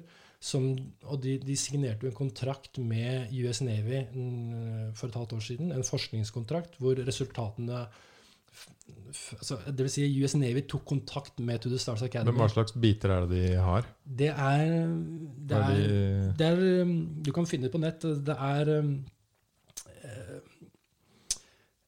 eh, metallbiter, som er legeringer av magnesium og um, silisium Nei, jeg husker ikke helt. To ulike metaller som er, som, som er legert annenhver, eh, på annethvert lag, da, i sånn 27-28 lag, som er ekstremt tett presset sammen, da, komprimert sammen. Eh, og det de mener, er at det her er nanofabrikkert, at det er fabrikkert på atomnivå. Eh, for å Er det store eller små biter? Ja, det er sånn så på størrelse med hånda di omtrent. Okay. De som er kommet ut i offentligheten. da. Uh, og de, um, de har De er fabrikkert på en måte som ikke vi klarer. da. Det er visst umulig å få så tynne lag av disse to metallene til å ligge oppå hverandre. Og så har de en kvalitet som gjør at de er ekstremt altså de kan lede ekstremt høye frekvenser av elektromagnetisk stråling. Var det det de viste til i den dokumentaren? De nevner det i denne dokumentaren. Ja, for der var de på... Jack Vallée og en gruppe folk i Silicon Valley driver og, og har noen av disse materialene og, og, forsker på dem nå. Og antageligvis, forhåpentligvis, så vil resultatet komme da. Ja. Man kan analysere også isotoperatioen, altså måten atomene på en måte ja, Et eller annet med hvordan atomene er satt sammen på, eller annet sånt, hvor de kan se om uh, metallet uh, stammer fra vårt solsystem eller ikke. Da. Så man kan finne ganske mye, mye ut fra et sånt metallstykke. Mm. Med tanke på at vi har jo vi har funnet en lillefinger fra en ukjent menneskeart og, så, og konkludert med at shit, her på den øya her så bodde det liksom Homo florensis eller en eller annen type mm. menneskeart som vi aldri har visst om før. Eh, så det skal ikke så mye til. Når man først har eh, materielle bevis, så kan man kanskje finne ut veldig mye. Så det er, ja, det, så det er spennende. Det, eh, jeg husker det riktig, så hadde de vel dratt til en av de stedene det hadde vært en ufo-sighting, eh, mm. og plukket opp dette fra der hvor liksom den hadde landa. Ja, det er mulig. det er mulig. Jeg, tror det var det de sa. hvert fall. De, de, de, delene To The Stars er i besittelse av, har kommet gjennom en såkalt chain of custody, som de ikke har lyst til å si, Nei. men som er gjennom indre kontakter. da. Det, det begynner å bli spennende da, hvis man finner noen ting som ja. oss mennesker ikke klarer å lage. Ja, ikke sant. Ikke sant? Det, er, det er akkurat det. Og det er klart det er um, Ja, det er det er et uh, betent felt òg, da. Samtidig. Det er det som er gøy òg. så jeg skjønner at det, har blitt, at det, at det, har vært en interesse Jeg tror den interessekonflikten mellom militære interesser og vitenskapelige interesser, folkets interesser, mm. har vært uh, noe av drivkraften bak det voldsomme hemmeligholdet som har vært rundt, eh, rundt det. Fordi nå har vi jo, uh, ja. Blue Book var en, basically en PR-kampanje for å avfeie oppmerksomhet rundt ufoer. Og så har du Project Mockingbird, som også er verifisert, hvor det ble leid inn både journalister og kjendiser med, med formål om å liksom marginalisere og latterliggjøre ufo-bevegelsen. Og så har du Condon Committee og flere andre um, forskningsprogrammer som ble iverksatt senere, som har hatt litt sånn samme hvor, hvor, hvor, du fremdeles finner veldig mye bra bevis, men så, så, så blir det likevel marginalisert og eh, ja, dysset ned. Mm. Så, og det skjønner jeg. Hvis jeg hadde vært, eh, hvis jeg hadde vært militæret i USA og min oppgave var å beskytte folket, så, så vil man jo vite hva man har å gjøre med her, før man plaprer for mye. En ting er at folk kan få panikk, men en annen ting er liksom, ok, kanskje det er fremmed teknologi. Da, kanskje det er russerne som har funnet opp, funnet opp antigravitasjon. Jeg skjønner at de, de har prosedyrer. Så jeg tror det er en litt sånn etterlevning av egentlig den kalde krigen. At ufo-hemmeligholdet har blitt, vært så, så strengt bevoktet. Mm. At vi nå ser en en frak fraksjon, i hvert fall innen Pentagon, innen forsvarsindustrien, som ønsker å få dette her mer ut. Kult. Og litt som vi var inne på i stad, eh, det som også fascinerte meg, er disse menneskelige historiene. Mm, ja. Spesielt den derre skolen i Sør-Afrika. Så du den? Ja, det er en episode som tas opp i den uh, filmen. Um, en bisarr hendelse, sånn sett utenifra, liksom. Kan ikke, virker ikke logisk, sånn som vi ser på virkeligheten. Liksom, hvis du skal være Space Aliens fra Alfa Centauri, første de gjør er den på en barneskole i Zimbabwe. Eh, Veldig merkelig, men hendelsen er da slik at eh, en, um, under et friminutt eller en klassetime så ser eh, 60-70 barn ser en eh, flyvende sølvfarget disk lande i ja, noen hundre meter unna skolen. Og så blir det selvfølgelig total panikk, og alle løper ut for å se. Um, lærere og barn, eller var det bare barn? Jeg er litt usikker. Uansett. eh, Hovedsakelig barn som, som var vitne til hendelsen, tror Og jeg. landsbyen rundt så også Ja. denne disken. Nettopp. Eh, og så um, ut av disken kommer det to-tre beings, Grace, typiske Grace, altså disse, disse små grå med stort hode, store svarte øyne, X-Files-stil. De kommer ut og um, snakker telepatisk med barna med en beskjed. Barnet står der helt eh, hypnotisert og, og stirrer på, på liksom hva som foregår. Og så sier de noe sånt som at um, dere bør ikke bli for teknologiske. Altså refererer til menneskeheten. Dere mennesker bør ikke bli for teknologiske. Det er, det er ikke bra eller et eller annet. Og så pass på planeten, eller eh, Mm. noe sånt. Og så inn i disken og vopp vekk. Det er, det er speisa, for å si det sånn. Det er akkurat det. Og og vi tenker ok, kanskje de burde lande på, på Hvite hus og snakke med Trump. Men jeg tror ikke Trump hadde vært så veldig Jeg tror ikke det er der man starter en, en, en, en sunn forandring på, Ikke jord, gå til Trump, i hvert fall. Men, Så eh, ikke vet jeg. Men, men, men det som eh, også skjedde, var jo at de Dette skjedde jo for 20-30 år siden. ja, Og så i den 40 dokumentaren år siden. 30-40 år 40 år, siden. ja, sånn. siden. I den dokumentaren så fikk de jo ti stykker eller noe som hadde gått på den skolen. Mm. Flydde dem tilbake Ja. til den skolen, Mm. og så intervjua dem. Mm. Eh, hva er det dere opplevde? Ja. Og alle står der og bare Jeg husker det som om det var i dag. De sier det samme i dag. Alle sammen. I, Ja, og, og en annen ting som er interessant, er at eh, nesten alle sier også Dette er nesten første gang jeg har følt at jeg kunne snakke om det. mm. Mm. For det er ingen tro på meg. Nei, Det høres helt fucked ut når jeg Mm. liksom prøver å fortelle til noen at det opplevde jeg som liten. Ja. Bare ha-ha-ha. Ja, ok. Mm. Ja, det passer ikke inn i noe vi assosierer med virkeligheten vår. Liksom, det er total mismatch. Så, så det er klart, de holder kjeft. Og, Ja. og det her er også et tilfelle med de titusener av mennesker som har opplevd det fenomenet som vi kalles alien abduction. Alien abduction syndrome, whatever. Mennesker som har opplevelser som ja, klassiske klassisk aliens abduction, de fleste har hørt om det. Og så skal de prøve å forstå det i etterkant, for, formidle det i etterkant. De er ødelagt for livet, mange av de menneskene her. Mm. Og de har ingen å snakke med, ingen forståelse å hente i kulturen vår. Fordi kulturen vår erkjenner ikke at dette er mulig. Eh, og det er jo en slags forsvarsmekanisme, eller et, eh, ja, trossystem, selvfølgelig, det òg. Men nå som vi har såpass bra med bevis eh, og indisier, for å være litt streng, eh, på at det er et fenomen her, så bør vi begynne å ta disse menneskene litt mer seriøst. Da. Det er akkurat som nær-døden-opplevelser. De er like på tvers av kulturer. Alien abductions like på tvers av kulturer. Hvor får disse menneskene denne greia fra, hvis ikke det er det de rapporterer at det er, så har vi i hvert fall funnet en ny psykisk sinnslidelse som Ja. burde være av interesse å utforske nærmere. da, Og ikke bare si liksom nei, fuck, det er ikke, det er ikke mulig. det gidder ikke å høre på det engang. Fordi, fordi når så mange mennesker opplever noe, så er det det mest respektable og uh, liksom Ja. Det riktige å gjøre er å på en måte utforske det mer. og alien abduction-fenomenet er superinteressant. Eh, og jeg har vært ekstremt interessert i det lenge. Jeg tror jeg har lest og hørt det, i hvert fall det viktigste av det som fins der ute. Hva er noe av det mest interessante du husker du har lest? Um, Eller si historier noen, som liksom er mest uh, Ikke sant? Altså, du har um, Du har det, det vanlige mønsteret, eh, og så har du sånne typiske vanlige historier, så har du noen enkelthistorier som er veldig spesielle, men som har veldig bra kontekst, eller så, som er veldig bra bevis for. da. Har, La meg starte med en som er litt spesiell, da, men som er veldig, som er veldig interessant. Det var eh, Travis Walton-saken. En eh, kar i Nord-Amerika som er tømmerhugger. Han og fire-fem andre mm, i 30-åra er ute og jobber i skauen i, i i Nord-Amerika et sted. Jeg husker ikke helt stedet nå. De, de skal kjøre hjem med trucken sin, og så ser de plutselig et uh, oransje lys over tretoppene. Der er kvelden. De tror det kanskje brenner. Så stopper de, og så prøver de å finne ut å gå da, for å se hva det er. Og så ser de plutselig et svært craft komme stille, svevende over. Helt Kanskje ikke, kanskje ikke den lyden engang. Kanskje helt lydløst. Det er jo som regel sånn som det blir beskrevet.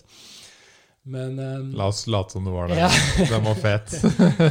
Det er mange som snakker om en sånn lyd òg. Det skal sies at det, at det er en slags sånn lav, veldig kraftig eh, ja, subwoofer-lyd. Anyway, uh, de, de får panikk og uh, liksom sier vi må komme oss vekk herfra. Men han, eh, Travis Walton han blir nysgjerrig og sier nei, vent, Kari, jeg har lyst til å sjekke det ut nærmere. De andre sitter nå i bilen. Han går nærmere. Og så beveger den eh, disken på seg, og så kommer det en stråler eller et lyn eller et glimt som treffer han i brystet, og så, og så blir han kasta fem meter eh, ut i bakken, og de andre får helt panikk. De, de, de tenker han kan ikke overleve det, han er død, vi må bare komme oss vekk. Så de kjører av gårde. De kommer hjem. Uh, Travis Walton blir meldt savnet. Det blir sendt opp politi og sånn for å lete etter han. Ingen finner han. Han er meldt savnet i fem dager. Politiet begynner å tro at disse kompisene hans har drept han. At de Mm. blir mistenkt for drap. da, basically. Um, og det blir selvfølgelig stor dramatikk i samfunnet han kommer fra, eller småbyen han kommer fra. Uh, og så dukker han opp plutselig fem dager senere. Helt fortumlet, forslått, dehydrert og, og sånn. Og folk er selvfølgelig glade og, og, og spent på å høre hva han har å si. og da What the fuck happened, man? Nettopp. Uh, og den historien han kommer med da, er jo at han, um, han ble truffet av dette lysglimtet. Uh, han uh, våkner opp om bord i eh, dette craftet, da, angivelig. Et eh, sterilt rom på en eller annen metallisk seng. Eh, beings som ikke ser akkurat ut som de klassiske gracene, men som har veldig store øyne, litt sånn blek hud og sånne ting, og et sånn tightsittende uniform står rundt han, og de har kanskje tydeligvis på en måte reparert han, da, fikset, helbredet han, eller gitt han behandling. Så han, men han våkner opp, og så får han panikk. Han griper en objekt som han finner i nærheten, og, og liksom skal prøve å rømme derfra. da. For han ser disse vesenene. Han, han er livredd og får sjokk. Og de vesenene trekker seg tilbake, og han klarer å løpe ned en gang. Og han kommer ut i et rom hvor han ser en svær hangar, basically. Inn, han er kanskje egentlig ikke i det skipet likevel, kanskje han er i et sånt mothership eller noe. Han ser jorda der nede, han ser flere disker er i, være i en hangar. Han ser en, et, en, menneske, en humanoid menneske, sånn som oss, eh, i blå tightsit-uniform, komme mot han med en sånn boble eller noe rundt eh, hodet. Um, og så ender det vel med at um, ja, jeg tror, jeg tror de, de Det svartner for han der på et tidspunkt, om de klarer å stønne han ut eller et eller annet. Og så våkner han opp i, på veikanten uh, i byen han kom fra. Og så kommer han med den historien der. Han har vært borte i fem dager. Mm. Han uh, har, fore, har, fått forelesninger om dette siden da. Det er ikke ufo-miljø i den lille småbyen i Texas eller hvor det her var. da. han, han, har null interesse av å drive og finne på en historie. Forsvinner i fem dager. Vennene hans ble anklaget for drap. Det er en ganske fantastisk historie. Det ble laget en film av den som heter Fire in the Sky. Uh, der ble det selvfølgelig litt sånn Hollywoodifisert. Disse aliensene ble sett mye mer skumle ut, og det var mye mer ondsinnethet bak det. I voksen alder, eller eldre alder, da, så er han, tror han at han ikke ble skutt med en stråle av dette craftet, men at han kom for nærme fremdriftsmekanismen. At det er kanskje en elektromagnetisk felt da, rundt dette skipet som ikke er så lurt å befinne seg mm. i nærheten av. Så når dette flyttet seg, for det flyttet seg akkurat da han ble skutt, så, så fikk han et jolt, et sjokk, som han kanskje døde av. Og kanskje det er en regel i galaksen at man ikke burde drepe folk på andre planeter. Så, så de måtte fikse han. Da. Han er liksom intergalaktisk roadkill, og så, og så må de på en måte ta han om bord. Intergalaktisk roadkill. ja, det er en teori. Men, eh, men, eh, at han rett og slett ble såpass skadet at de, de, de ja, måtte helbrede han. Hvem vet. Men eh, en utrolig interessant historie, og en mm. rar historie. De mer vanlige abduction-historiene det er de jeg er mest interessert i, for de her ser vi et mønster som jeg mener kanskje indikerer en slags relasjon eller forhold til um, noen vesener eller entiteter i um, et økosystem som ikke vi forstår ennå. Uh, og da kommer vi litt tilbake til Graham Hancock og The Supernatural Teachers of Mankind. Fordi vi ser også i disse gamle hulemaleriene tegninger av vesener med veldig store øyne, og, um, som også har vært i forbindelse med, med disse ritualene. og sånn da. Jeg selv har opp, sett disse vesenene i, uh, på ayahuasca-seremonier. Mm. Ikke bare liksom sett, men interagert med og hatt veldig sterke opplevelser av det. Hva ville de med, da? Um, ja, si det. Jeg kan komme til det etter hvert. Ja. Uh, det som er Poenget mitt, er at vi har å gjøre med, tror jeg, da, noe som er i dette sjiktet mellom det immaterielle og det materielle, um, med bevissthet. Uh, hva, og det berører jo selvfølgelig et veldig dype spørsmål om hva vi er. Hva er bevissthet? Hva er, uh, hva er det å få kontakt med andre bevisstheter og identiteter? Jeg tror det blir veldig feil å tro at disse vesenene går om bord i et craft på Alfa Centauri, og så flyr over hit, og så abducter folk. Jeg tror ikke det er det som foregår. Um, jeg tror det er noe annet som foregår. Men la oss bare ta en klassisk abduction-opplevelse. da.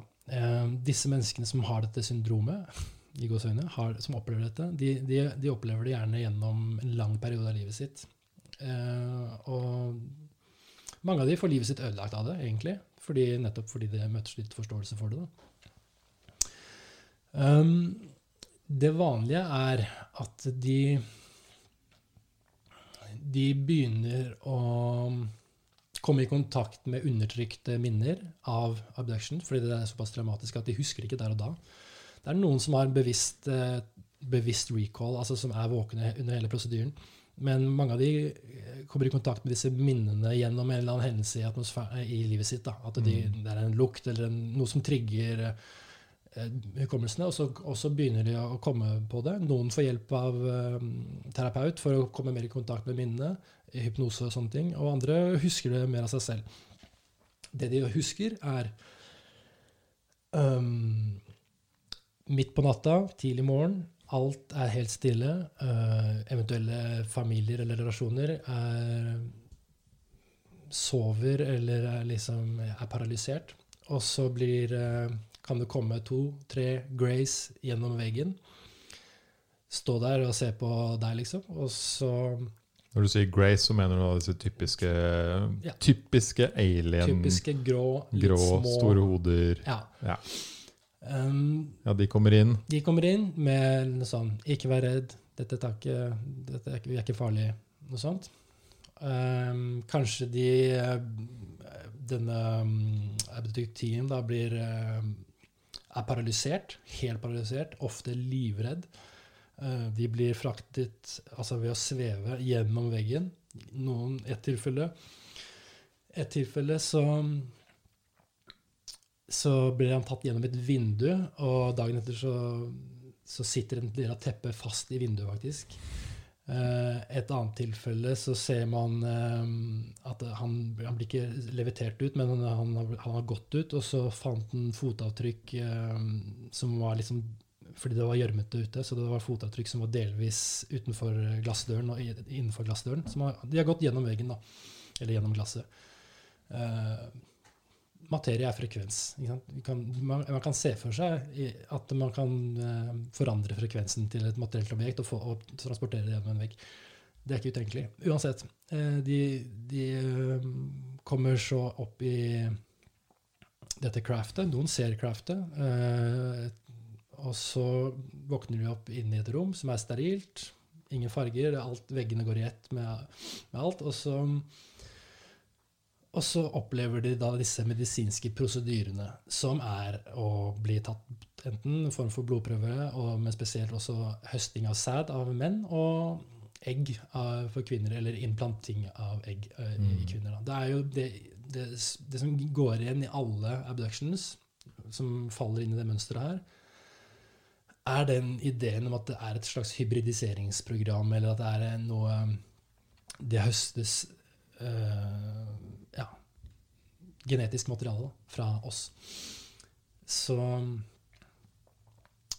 så det er jo sikkert veldig traumatisk å oppleve det. Du har disse som står rundt deg og gjør disse prosedyrene, og så, og så, blir man levert tilbake i senga si. Mm. Eh, noen opplever mer og mer avanserte prosedyrer. Noen, noen, kan ha mer og mer interaksjon med disse vesenene om bord, og kanskje møte disse andre som kalles tall grace, som er mye høyere varianter.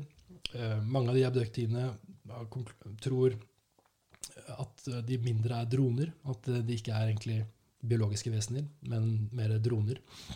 Bare gjør jobben. Som gjør jobben. Eh, og alt kommunikasjon er telepatisk eh, om bord. Og det også indikerer jo en slags connection mellom oss og dem, på en måte. Um, ja. Så og, om, ja, det er omtrent det, det, er liksom, det her er de tingene som er mest vanlige. Så er det veldig mange individuelle varianter hvor noen har mer kontakt og husker mer av ting som foregår om bord. Noen har sett eh, rom med hundrevis av mennesker som ligger på, på operasjonsbord. Noen har sett at de har vært ute i space, noen har blitt tatt med bak månen. Og, og det er liksom crazy historier. da. Jeg har sett barn som er sånn halvt alien, halvt menneske. Nettopp. Som trenger, eh, som trenger, i hvert fall kvinner, da, eh, som blitt tatt opp for å passe på disse barna. Mm, Fordi de ser så slitne og Ikke tynne sant. Helt riktig. De, det virker som de har et hybridisert barn som er fremstilt i en glasskrukke eller et eller annet. og så og så trenger dette barnet, som er halvt menneske, halvt grey, trenger menneskekjærlighet. Menneske ja. Og det kan ikke de gi, for de er kun logiske. Det er sånn mentale beings. Så tror vi. De, tror vi da. Altså, de, de, vet ikke hva dette her er, gjør, hvordan dette gjøres. Kanskje. Og så, og så sier de liksom ja, uh, nurture the baby, eller gi det kjærlighet. Mm.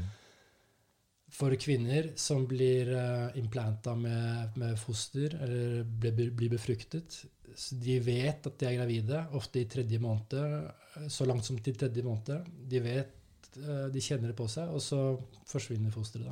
da. Leger har til og med observert veldig mye, mange anekdoter da, av, av audektis eh, som har ja, fått bekreftelse av lege at her er det, de har ikke forklaring på dette. her da. Det har skjedd et eller annet veldig veldig sprøtt. Ja, så det er i korte trekk, da. Det. Og jeg syns, med tanke på hvor mye bevis og mye som har kommet til overflaten i det siste, at det, det ville vært ganske uansvarlig å ikke liksom gå litt dypere inn i hva dette potensielt er. da. Ja, for det er jo litt meningen med den samtalen her òg, føler jeg. Liksom, hvorfor ikke gjøre det? Ja. Hvorfor ikke åpne sinnet litt og mm. høre på alle disse folka? Absolutt. Altså, jeg, jo, jeg, forstår jo veldig godt Hadde jeg, hadde, hadde jeg opplevd det, mm.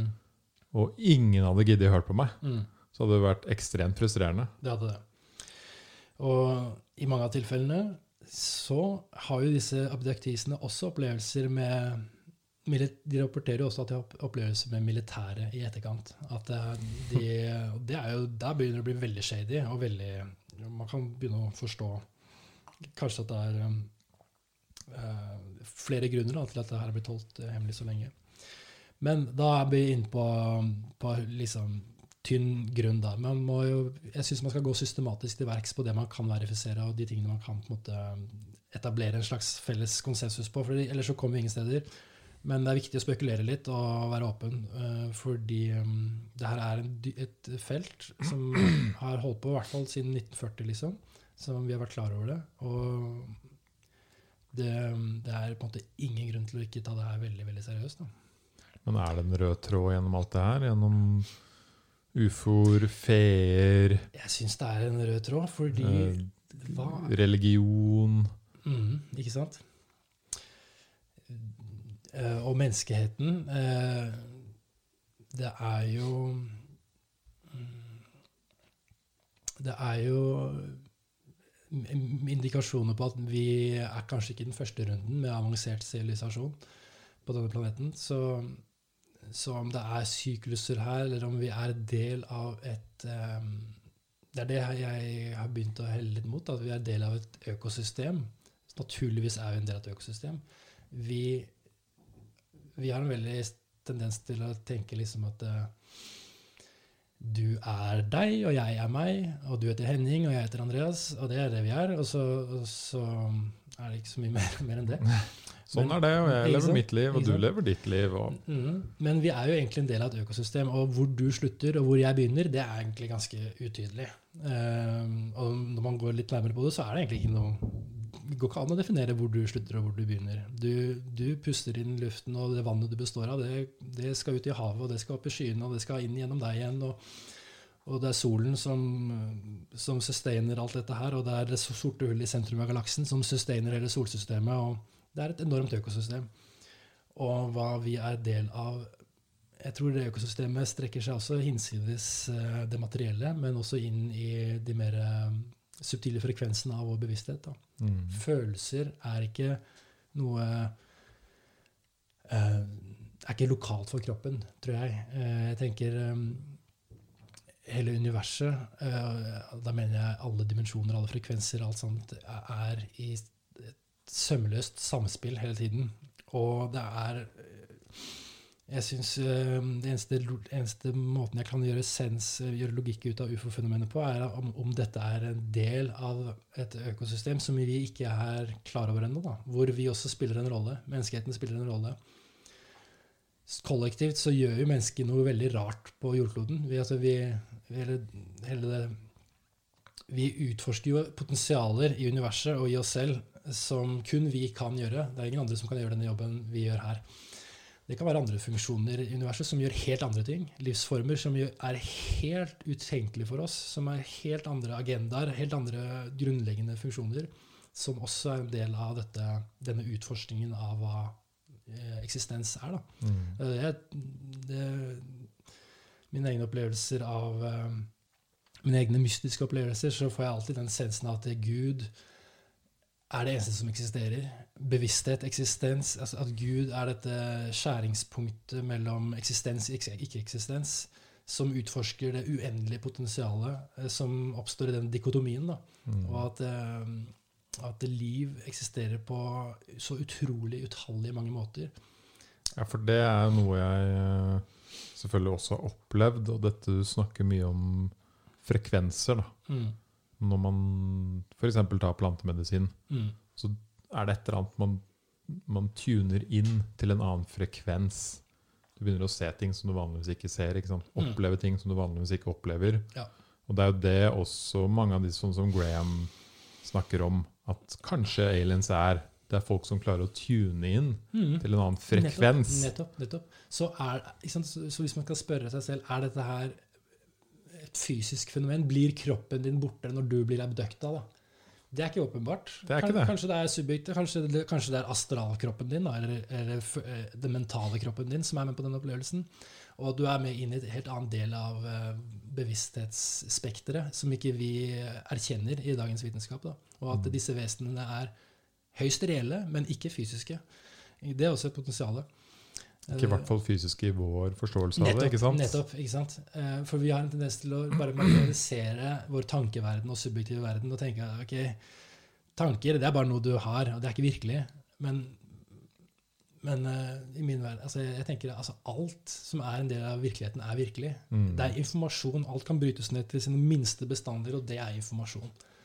Et annet eksempel på det er eh, for å gjøre det kanskje enda litt mer forståelig, da, dette med frekvenser. Det er f.eks. hvis vi ser med vår blotte øye ut i universet, Mm. så ser vi bare liksom Ja, vi ser stjerner og, og, og svart. ikke sant? Stjerner og planeter og svart. Det vi Mm. ser opp. Mm. Hvis du f.eks. Uh, bruker uh, X-ray, eller en Nettopp. annen type måte å se på, Ja. så ser du andre frekvenser. Ja. Og plutselig så bare åpner hele stjernehimmelen seg. Riktig. riktig. Det er farger, og du ser eh, stjerner blir født. Mm, mm. Du ser inn på en annen frekvens. Mm. Det er et det- veldig godt poeng. Det kunne ikke vi gjøre for uh, 100-200 år siden. Vi kunne ikke det. Nei. Og hva kan vi om 200 år? Fordi vi vet at det elektromagnetiske spekteret er, Det er ikke noen grunn til at det skal stoppe noe sted. Altså man, Vi sier um, at planklengden er den minste målbare frekvensen, eller i hvert fall matematisk målbare frekvensen uh, i vårt univers. Men det er ikke Hva noe grunn hva planklengden? At planklengden er liksom den minste Det minste man kan måle? det, altså ja, det er matematisk, så det man har beregnet at den minste mm, frekvensen som er målbar, eller som gir fysisk mening da, i vårt univers, er planklengden. Det er den eh, lengden et foton øh, reiser når, når, det, at, eh, når det krysser seg selv. Da. Så det er den minste bølgen Mm. som er mulig. Og det men, altså, så det er et, et stykke informasjon, en bit, kan du si. da. Så, men det er ikke noen grunn til at det, det kan også fortsette forbi planklengden, men også andre, verden, andre veien, at det, utenfor vårt univers er flere universer. Mm. Alt vi ser i naturen, er jo fraktal matematikk. Og jeg, altså, jeg kan ikke tenke meg noe mer logisk enn at universet er en uendelig fraktal eh, som på en måte repeterer seg selv i ulike skalaer, og at liv er eh, gjennomsyrer hele systemet. Da. At det er en informasjonsprosesserende økosystem som eh, hele tiden utforsker og realiserer nye potensialer ved seg selv. Da. Mm. Da kommer vi litt inn på den, den uh, fysikkdelen, fordi mm, jeg, tror, jeg tror bevissthet uh, er Det er jo prosessering. Det er det vi gjør, er å prosessere informasjon. Og følelser er informasjon, tanker er informasjon, materie er informasjon. Og um, det er et problem i, um, i dagens fysikk at, det, at vi forstår ikke hvorfor altså livet, eller biologisk liv, har en veldig liten plass i måten vi forstår universet på. Da. Eh, man har klart å presse det inn der med, no, med noen triks, men, men det er ikke helt elegant, de løsningene vi har, eh, for å forklare hvorfor liv eksisterer. Det er ikke en naturlig impuls for universet å bevege seg mot økt kompleksitet. Eh, Man har jo termodynamikkens andre lov som tilsier at det, eh, informasjonstilstanden i et rom vil alltid bevege seg mot større og større uorden. Det, vil, det krever energi for å skape eh, orden. Det er, ikke gitt, det er derfor det er veldig mystisk hvorfor det første eh, DNA-et tok form da, og begynte å reprodusere seg selv og bli mer og mer komplekst.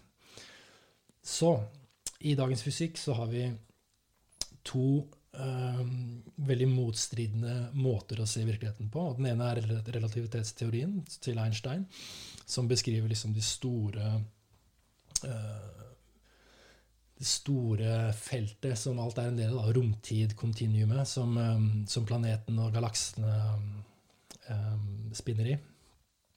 Det er ganske mye som passer inn i det nå, når Den- man ser på det store ut i den, er den er helt elegant. Ja. Fantastisk modell som beskriver og forutsier planetbaner og gravitasjon og materie og masse. Selv om ikke vi vet egentlig hva noen av de tingene er. Det er viktig å huske. Altså, folk tenker liksom ja, okay, jeg liker MCA-en, og vi har full kontroll på, på det. Men vi vet ikke hva energi er, vi vet ikke hva masse er, og vi vet ikke hvorfor lyset reiser så fort som det gjør. Så vi, vi vet bare at det er en ekvivalens mellom energi og masse. Men vi vet ikke hva noen av de tingene er, og det er et stort problem i fysikk. Vi vet, ikke, vi vet at gravitasjon er en, en kraft, men vi vet ikke hvor den kommer fra. Og det er veldig gøy, syns jeg, fordi det eh, er et felt som, som kommer tilbake til den røde tråden, da, som vi Ja, snakket om tidligere. Med. Gleder meg. Ja. Så, så vi har relativitetsteorien på den ene siden. Og så eh, kom da litt senere kvantemekanikken. Fordi relativitetsteorien kan ikke beskrive eh, fysikk på subatomært nivå. Det, det, du, gravitasjon er ikke nok til å holde atomet sammen, f.eks.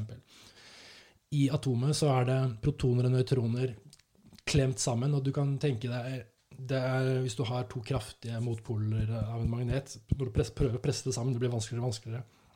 Og det er det som skjer inni atom. De her eh, protonene og nøytronene de vil egentlig eh, presse, skyte fra hverandre, men de holdes ekstremt tett sammen. Um, så det var behov for å finne andre fundamentalkrefter enn gravitasjon for å forklare bl.a. det, da, men også en del andre eh, fenomener man observerte uh, på kvantenivå. Så kvantemekanikk uh, er en annen beskrivelse av romtiden, det også. Romtiden er jo den samme på makronivå som på mikronivå.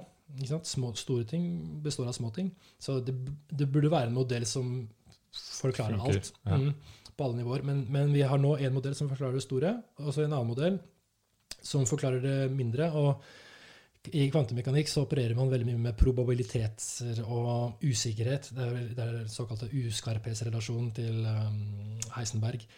uh, hvor, hvor man Du kan aldri vite nøyaktig hvor et eh, foton er, eh, fordi du vet ikke om det er en bølge eller en partikkel før, den, før det gjøres en observasjon. og Du har sikkert hørt om, om noe av det der.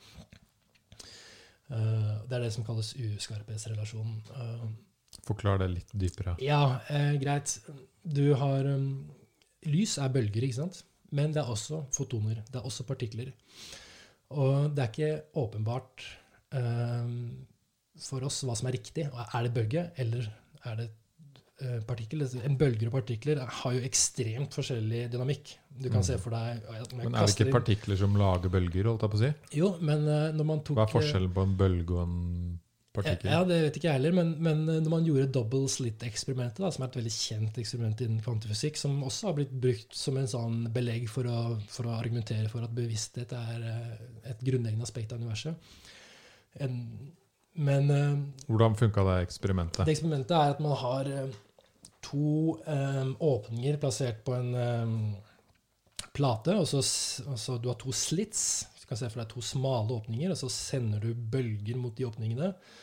Når bølgene ser for deg vann treffer to, to åpninger, Ja. så, så, vil, så vil de to åpningene på en måte bremse vannet og lage to nye, utgangs, to nye bølgefronter. Da. Og disse bølgefrontene lager et interferensemønster. Og så har de en ny fotografisk plate der, bak der, og, og det interferensemønsteret vil lage et veldig spesifikt mønster på denne platen. Da. Så da kan man skyte til bølger på denne, disse slitsene, så får du et nydelig interferensmønster bak. Og det indikerer at, at lyset er bølger. Eh, det samme kan du gjøre med partikler, atomer og sånne ting. Eh, men eh, når du da Det de gjorde, var også da å plassere en observatør, altså gjøre en måling eh, av dette eksperimentet. da. Eh, Når de, når de gjorde det, for å, liksom, for å se Det vil si, OK de begynte, de, Det de gjorde, det var at de begynte å skyte enkeltfotoner. Ett og ett foton turt, turt, turt, turt, i hver av disse slitsene. For å se om det da ble eh, ikke et interferensemønster på den fotografiske platen, men at, at hver partikkel lagde hver sin, sin eh, sin søyle, da. Eller hver, hver sitt, Sti, eller hva? ja, ikke sant? Helt riktig. Hvert sin sti. Så da kan man se ok, ble det bølger eller ble det partikler. Så når de, gjorde, når de skjøt et, etter en partikkel gjennom, så ble det to separate. Det var ikke bølger, det var partikler. Og så skulle de se, plasserte et måleinstrument på denne slitten da, for å se hvilken slitt fotoner valgte når de ble skutt mot denne platen. Men når de gjorde det, så ble det uh, Ja, e- egentlig så, så sa jeg feil nå, for det var omvendt. Når, når de skjøt én okay. og én uten å måle, så ble det et interferensmønster. Ja, Det ble, det ble et mønster, Ja, som en gradvis så bølge ble det mer en- som en bølge. Mm. Men når de tok en observatør på, et måleinstrument på, så ble det da definerte, da ble det en partikkel. Da, da, da definerte de ett, en slitt.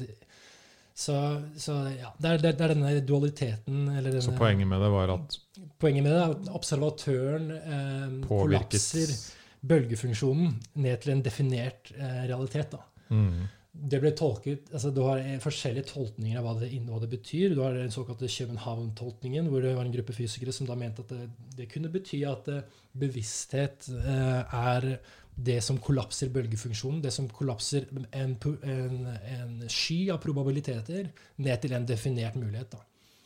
Og det kan man jo da se for seg at ok, betyr det da at bevissthet er det som manifesterer virkeligheten ut fra en sky av probabiliteter? Er det sånn at månen ikke eksisterer når du ikke ser på den, liksom? For å sette det veldig på spissen. Selvfølgelig er det jo ikke sånn, men, eh, men mange tenker litt sånn, da. Jeg, ikke, jeg tror ikke den eksperimentet i seg selv verifiserer noe av eh, akkurat eh, det.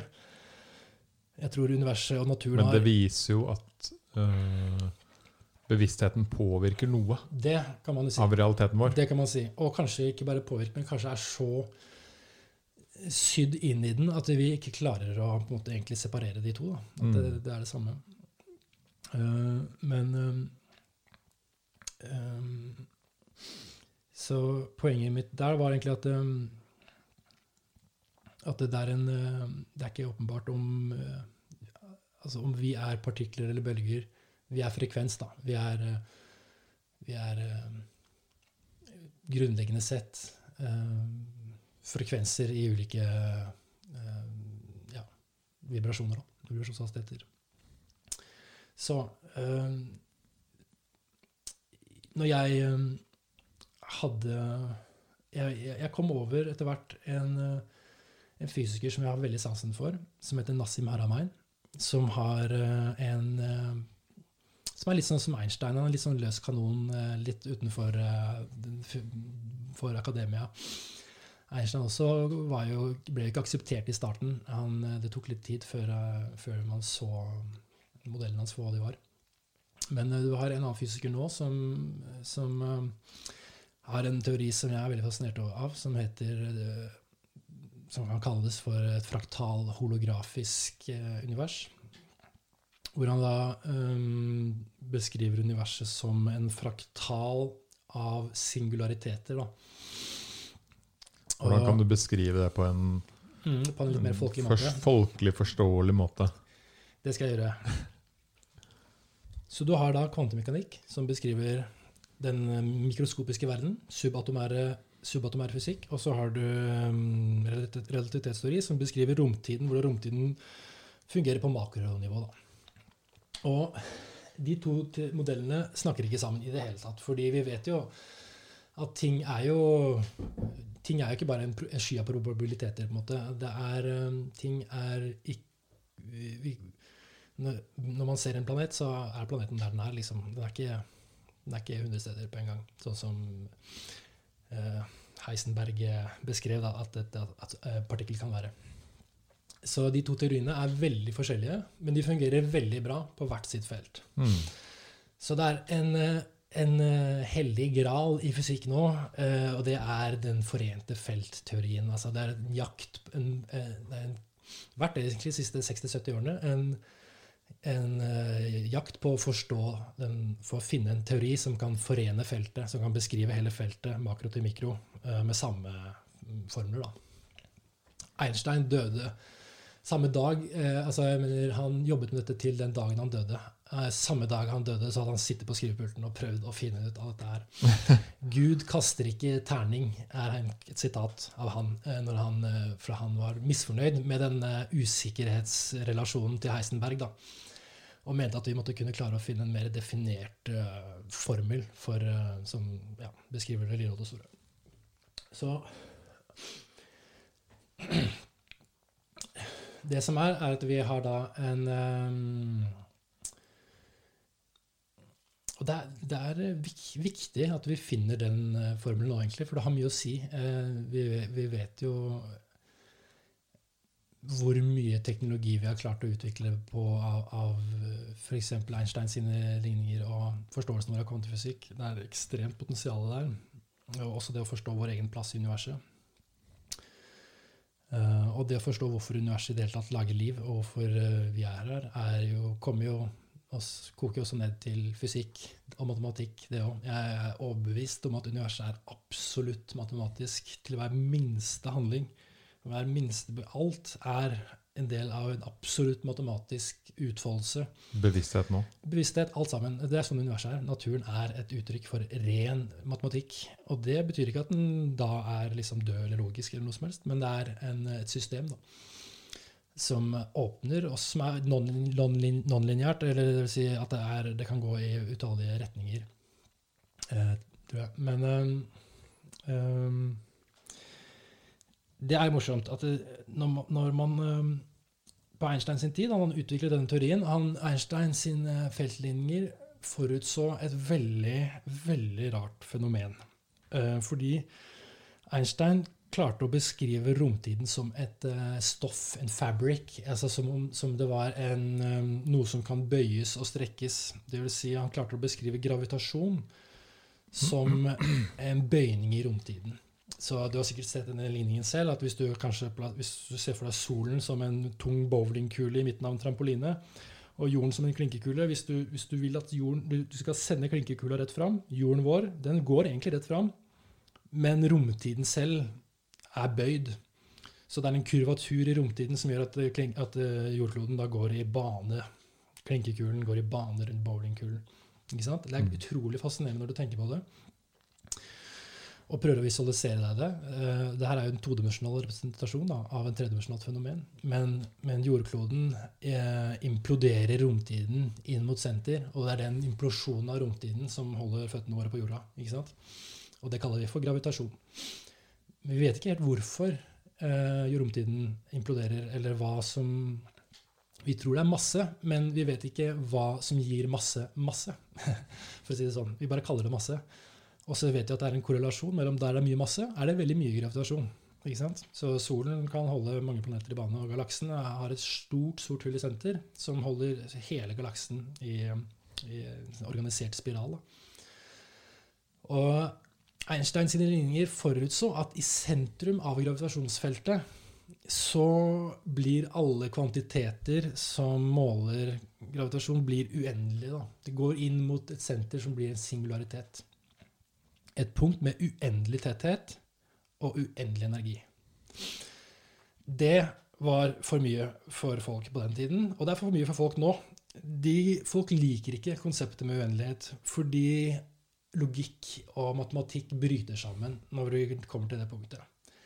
Så man har en tendens til å feie det litt under teppet. Og det gjorde man da. Man, man sa ok, den, disse ligningene fungerer helt supert, men så har du noe som heter singularitet. Ja, det, det, ikke akkurat det. Det, det funker ikke. den, den, skyver, den ser vi ikke så nøye på.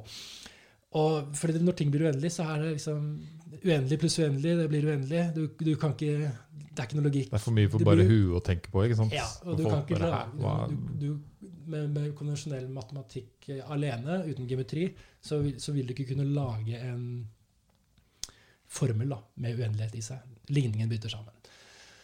Så de trodde at dette var bare en abstraksjon, en, en liten feil noe, noe, rart. da. Det er sånn som skjer i fysikk. Det kan oppstå mye rart. De holder på med, Alt de gjør, er jo abstrakt, og så skal de prøve å uh, relatere dette til virkeligheten, og da kan det oppstå rare ting som det.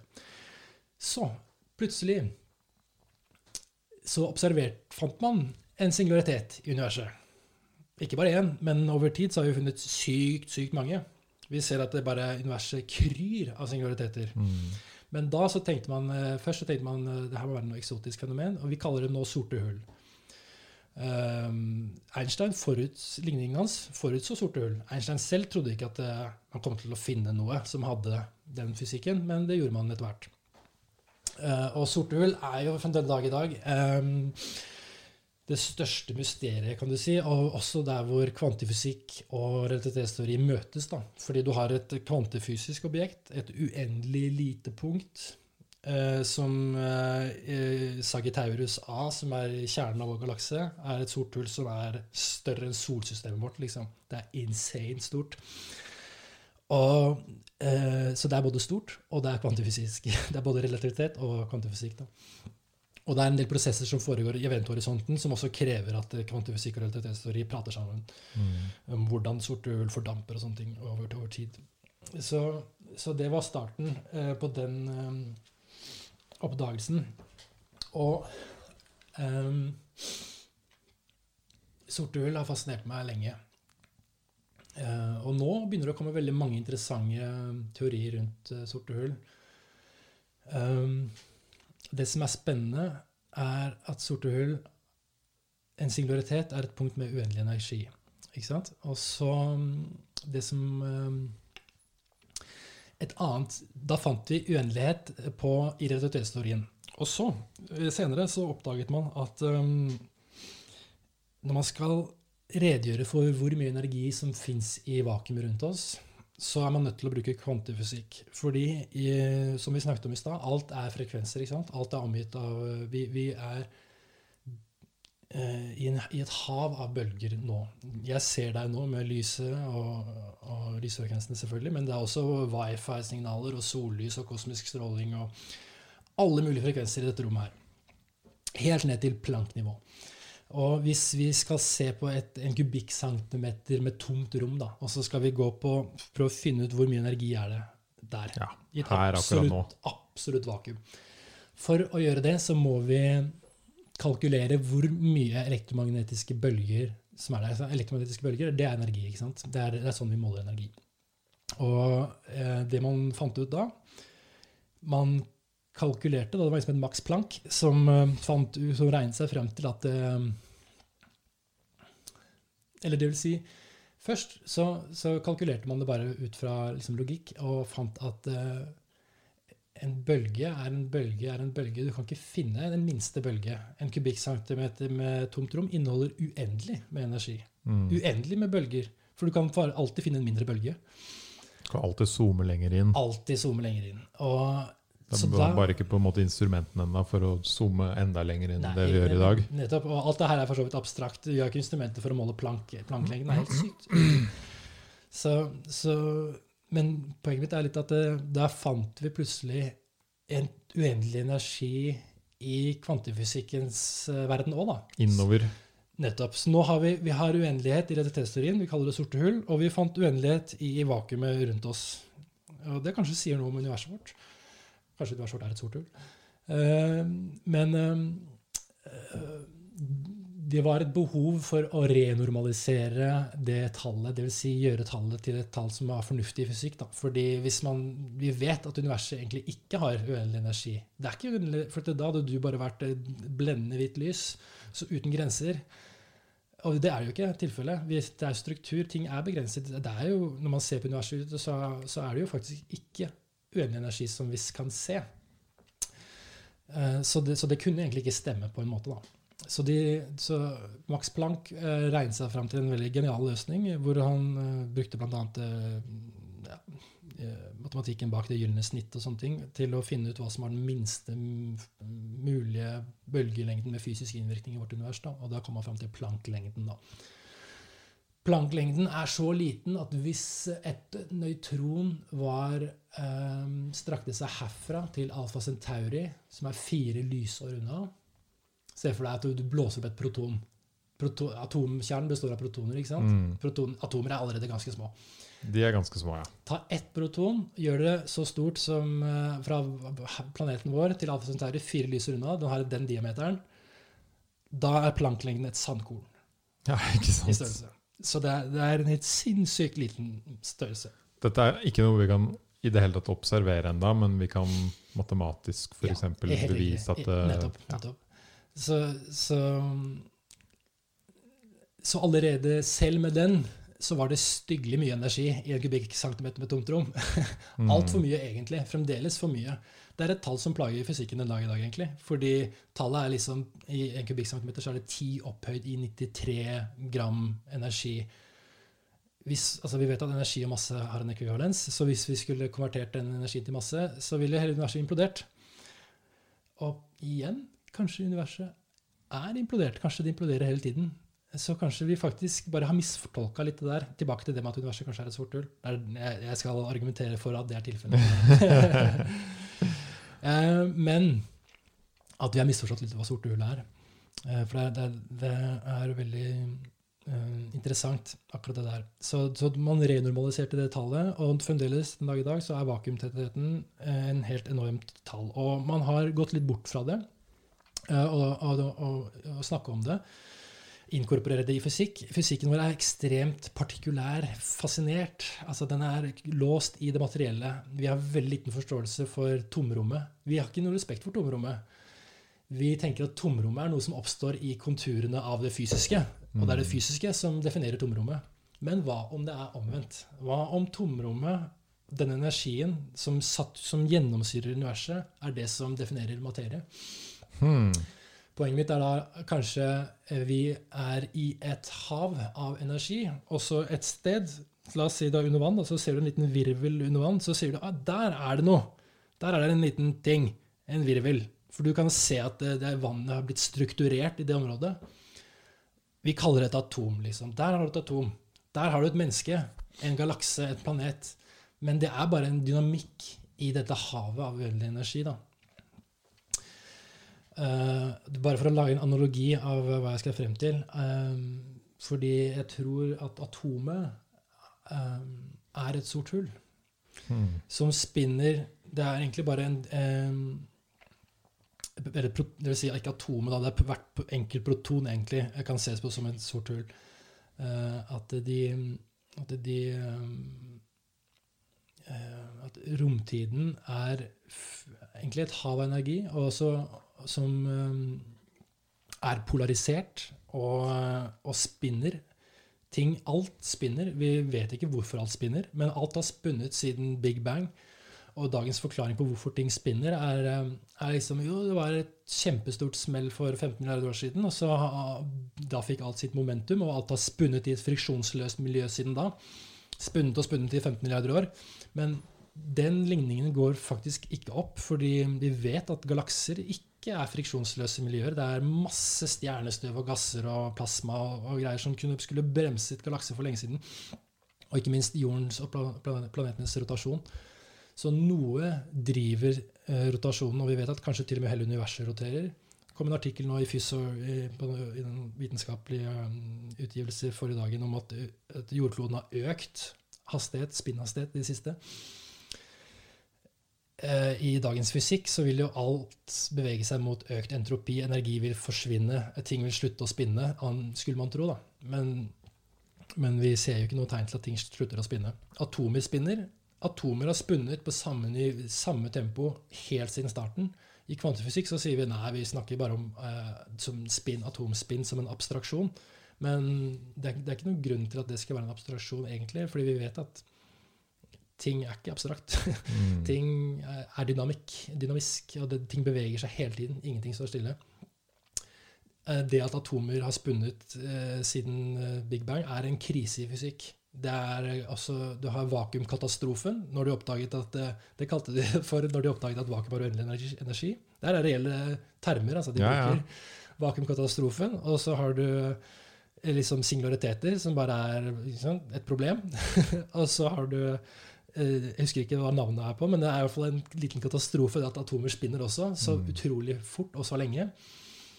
Hvor får de energien fra? Eh, kanskje er vakuumet en uendelig energikilde, et potensial som, som hele tiden fòrer denne eh, rotasjonen, da. Kanskje er det ikke slik at eh, vi, vi, vi, vi sier at, eh, at eh, det her er altså et problem da, når man ser på unge galakser, så ser man ofte kjempestore sorte hull i midten av disse galaksene. Så tenker man, hvordan er det mulig? Sorte hull tror vi at det skal liksom ha oppstått av førstegenerasjons stjerner som imploderte under sin egen gravitasjon, og så begynte de å akkumulere gass og masse til å bli mm, enorme monstre. Eh, og- det er sånn vi betegner sorte hull, som altoppslukende monstre som suger opp alt. ikke sant? Det er litt sånn som Hollywood-beskrivelse av sorte hull. Det er sånn vi tenker. Helt feil. Eh, eh, vi ser små galakser med svære sorte hull i sentrum, og så tenker vi men hvordan i all verden klarte det å bli så stort med en så liten galakse rundt seg? Det er som om noen har spist seg veldig feit på ingenting. Kanskje, og Vi ser sorte hull uten galakser òg, uten vertegalakser, som har vært veldig store helt siden universets begynnelse. Så noe har vi gjort feil her. Kanskje vi har feil, tatt feil på rekkefølgen. At sorte hull er eh, det som kom først. da. Sorte hull kom før galaksene. Og det er sorte hull som er drivkraften bak galaksedannelse, stjernedannelse, celledannelse, atomer. Altså Alt er bare sorte hull i forskjellige størrelsesordener. da. Så han Nassim Haramein som jeg snakket om, han, han hadde et bilde av universet på den måten og ville prøve å mm, kartlegge om det fantes et eh, størrelsesforhold mellom sorthull som er små, og sorthull som er store.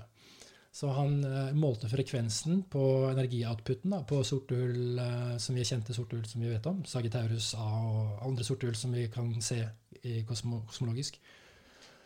Eh, og plottet dem opp på en, på en graf. Og så tok han også frekvensen vi, og energioutputen vi kan få fra atomer. Og også Planck-lengden. Eh, og så oppdaget han at det er et lineært forhold mellom disse. Det vil si at det er en slags eh, størrelsesintervaller hvor det er en relasjon mellom radiusen på sort hullet, hvor stort det er, og hvor mye energi det mm, outputter. Da. Mm. Så for første gang så har Så en liten, lite sort hull har lite energi, output, og Ja. stort har mye. Ja, basically. Ja. Men eh, poenget er at, eh, at, eh, at relasjonen er lineær. At at det er et størrelsesforhold som går inn i mikrokosmos og ut i makrokosmos. Og det er første gang vi har klart å bevise en relasjon mellom de to verdenene. Da. Og kanskje en sterk indikasjon på at um, atomer egentlig er mikroskopiske sorthullsystemer. Fordi, som jeg nevnte i stad, eh, protonene og nøytronene de har lyst til å skyve seg fra hverandre. Og man måtte bare finne, man tenkte shit, hvilken kraft er det som holder atomet samlet? Så man bare fant på en kraft. Man bare ah, Vi trenger en kraft. Vi kaller den for ja, sterk kjernekraft. For den er jo veldig sterk. ikke sant? Mhm. De bare fant den på. Det er null vitenskap. De, virkelig, altså. Det, har, det her har vært litt sånn som har foregått i fysikk. Og det, det er mange kjente fysikere heldigvis som også er veldig kritiske til og har skrevet masse om. Det problemet med at standardmodellen er et lappeteppe av nødløsninger og fysikk as you go. liksom. For de finner problemer, og så lager de tall og ting som kan reparere problemene. da. Så de lagde sterk kjernekraft og svak kjernekraft for å forklare hvorfor protoner klarer å, være så tett sammenklemt. Eh, Men han, eh, Haramein har også kalkulert seg fram til at eh, du kan få den samme effekten om protonet var en singularitet. Gravitasjonen nær singularitet, nær eventhorisonten av et sort hull, er ekstremt sterk. Så den gravitasjonskraften, om protonet er et sort hull, kan være nok til å holde atomet samlet. Da. Som jeg nevnte tidligere, hvis du fyller et, eh, et proton med Planck-lengder Du ser for deg planklengder som sandkorn, og protonet like stort som herfra til Alfa Centauri. Mm. Fyller det med Planck-lengder. Da har du 10 opphøyd i 55 gram eh, til eh, energi da, i det. Eh, Energi-masse i et proton. 10 opphøyd i 55 gram. Tilfeldigvis så er det nøyaktig den samme mengden energi som er i hele universet. 10 Mm. opphøyd i 55. Så 10 med 55 nuller etter. La oss redusere hele universet. La oss si at dette her, disse små planklengdene er en bit av informasjon. Da, ikke sant? Det er en informasjon. Uh, du kan, det, at det, er, det at det er så mye energipotensial, informasjonspotensial i, i hvert proton, det kan bety at det er en, en eh, relasjon mellom radiusen på universet og mengden informasjon som er i universet, og alle protoner som er i universet. Da. Protoner er det som gir uh, atomet masse. Eh, så det kan være indikasjon på at det er et holografisk eh, forhold da, mellom Eller det vil si at, det, at, eh, at alle protoner egentlig er ett stort proton. På hvilken måte da? Ja, bra spørsmål. Veldig bra spørsmål. Eh, takk for det. Nå tenker mange sånn what? Ja, ikke sant? Fuck. Ikke sant? Hvordan er det mulig? Og det høres jo helt uh, tullete ut. Det er mulig gjennom det som kalles for Einstein-Rosen-broer, eller markhull. Og det har vi alle vært innom i science fiction, ikke sant? Og det snakker man mye om nå. eh, at um, markhull Wormholes. Wormholes. Good old wormholes.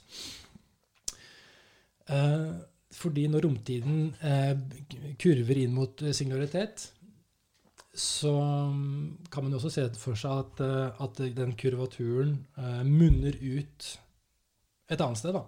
Fordi eh, den, den eh, Og det er det som kalles for en Einstein-Rosenbro. At um, to sorte hull på to ulike locations kan kanskje del, kan være sammenfiltret da, Mm. gjennom eh, markhull. Og der også, det, Man snakker jo også om quantum entanglement. Man vet at um, to partikler på hver sin side av jordkloden kan være quantum entangled. At du, du kan kile den ene partikkelen, så begynner den andre å le. Mm. liksom. Eh, og instantaneously. Og det, altså teoretisk sett da, så vil jo det kunne funke på tvers av galaksen. også, liksom. Så noe reiser seg fortere enn lyset her. En eller annen fellesnevner forbinder disse to eh, kvantesammenfiltrede partiklene. Og det er ikke mulig at det er Einstein-Rosenbror som gjør det. At det er faktisk gravitasjonskraften som er fellesnevneren for, all, for disse to partiklene. Grunnen til at vi finner at uh, mengden, mengden informasjon i et proton tilsvarer mengden informasjon i universet, er kanskje at uh, alle protoner deler uh, samme singularitet. Eller, altså, de er, er kvantesammenfiltret gjennom gravitasjon. Hvis protonet er et sort hull, så betyr det at alle sorte hull er egentlig sammenfiltret. Da. Mm.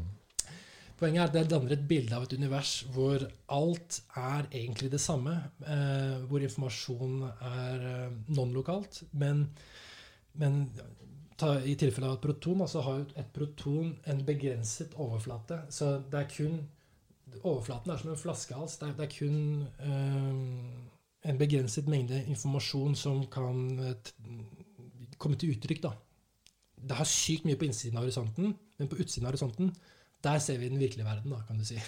Der har vi den fysiske verden hvor ting er materielt og, og håndfast. Men bak horisonten så deler kanskje alt eh, ja, samme signalitet.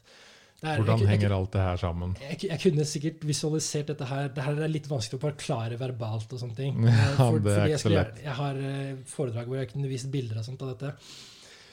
Eh, men eh, jeg kan garantere at det ikke er eh, basert på tynn luft, fordi veldig mange samtaler nå i, i akademia hvor, hvor sånne ting som dette her diskuteres.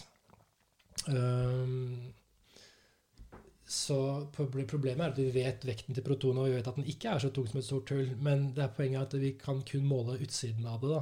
Vi er, vi, vi er låst ute fra innsiden. Eh, Samme som vi er låst ute fra hva som skjer på innsiden av en horisont, eh, av et makroskopisk sort hull, så vet vi ikke hva som skjer inni et proton heller.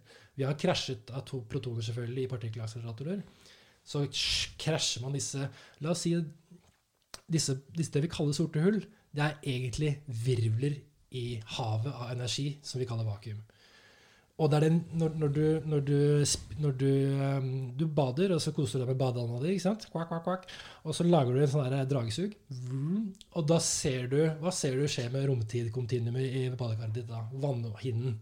Vannhinnen spinner rundt, og når den spinner fortere og fortere, Så går den ned. så, kurver, så, så lager den kurvatur. Så hva om spinn og eh, kurvatur egentlig kom før masse, da? Eh, er litt implikasjonen her. At eh, stjerner lager ikke sorte hull, men sorte hull eh, er det som er drivkraften bak stjerner. Og når du, når, når du lager Hvordan denne, skaper det stjerner? ja, når du lager denne virvelen av energi, så får du en, en, en kraftig implosjon, men også en kraftig sentrifugalkraft. Når du gjør dette i space, i vakuum, eh, så, så når du nærmer deg singularitet, du nærmer deg sentrum av denne kurvaturen, så er sentrifugalkreftene ved, ved, økvator så kraftige at du, skyter ut igjen. Og det, Der ser du hvordan en liten eh, andel av den energipotensialet som er i vakuumet, eh, går fra å være eh, implosiv til å bli ekspansiv eller eksplosiv. Har, og det er elektromagnetisk stråling. Så med romtidgeometri kan du da gjøre rede for gravitasjon som en imploderende bevegelse. Og så er elektromagnetiske feltet er ekspansjon. Da. Er den ekspansjonen som oppstår når ting spinner veldig fort. Uh, Så det, er, det danner et mønster som heter en torus. Dobbeltorus. Smultring, basically. Mm. Uh, hvor du har en, en, en feedback loop som hele tiden imploderer inn, ekspanderer ut, imploderer inn, ekspanderer ut. I lysets hastighet, da, basically. Um, og det mønsteret er det vi ser. Vi ser galakser Ved ekvator av eh, et sort hull så ser du denne nydelige spiralen, som vi ser i alle spiralgalakser. Den dynamikken ser vi i all hydrodynamikk. eh, når, vi snakker om dynamikken i vann. Og plasma har veldig lik dynamikk som vann. plasmadynamikken eh, Ja, sånn type spiral Spiral. Ja. eh, ja. eh, At eh, du ser det på orkaner i atmosfæren vår. De spinner rundt sånn. Eh, solstormer og, og sånn. Og, men også selvfølgelig værsystemene.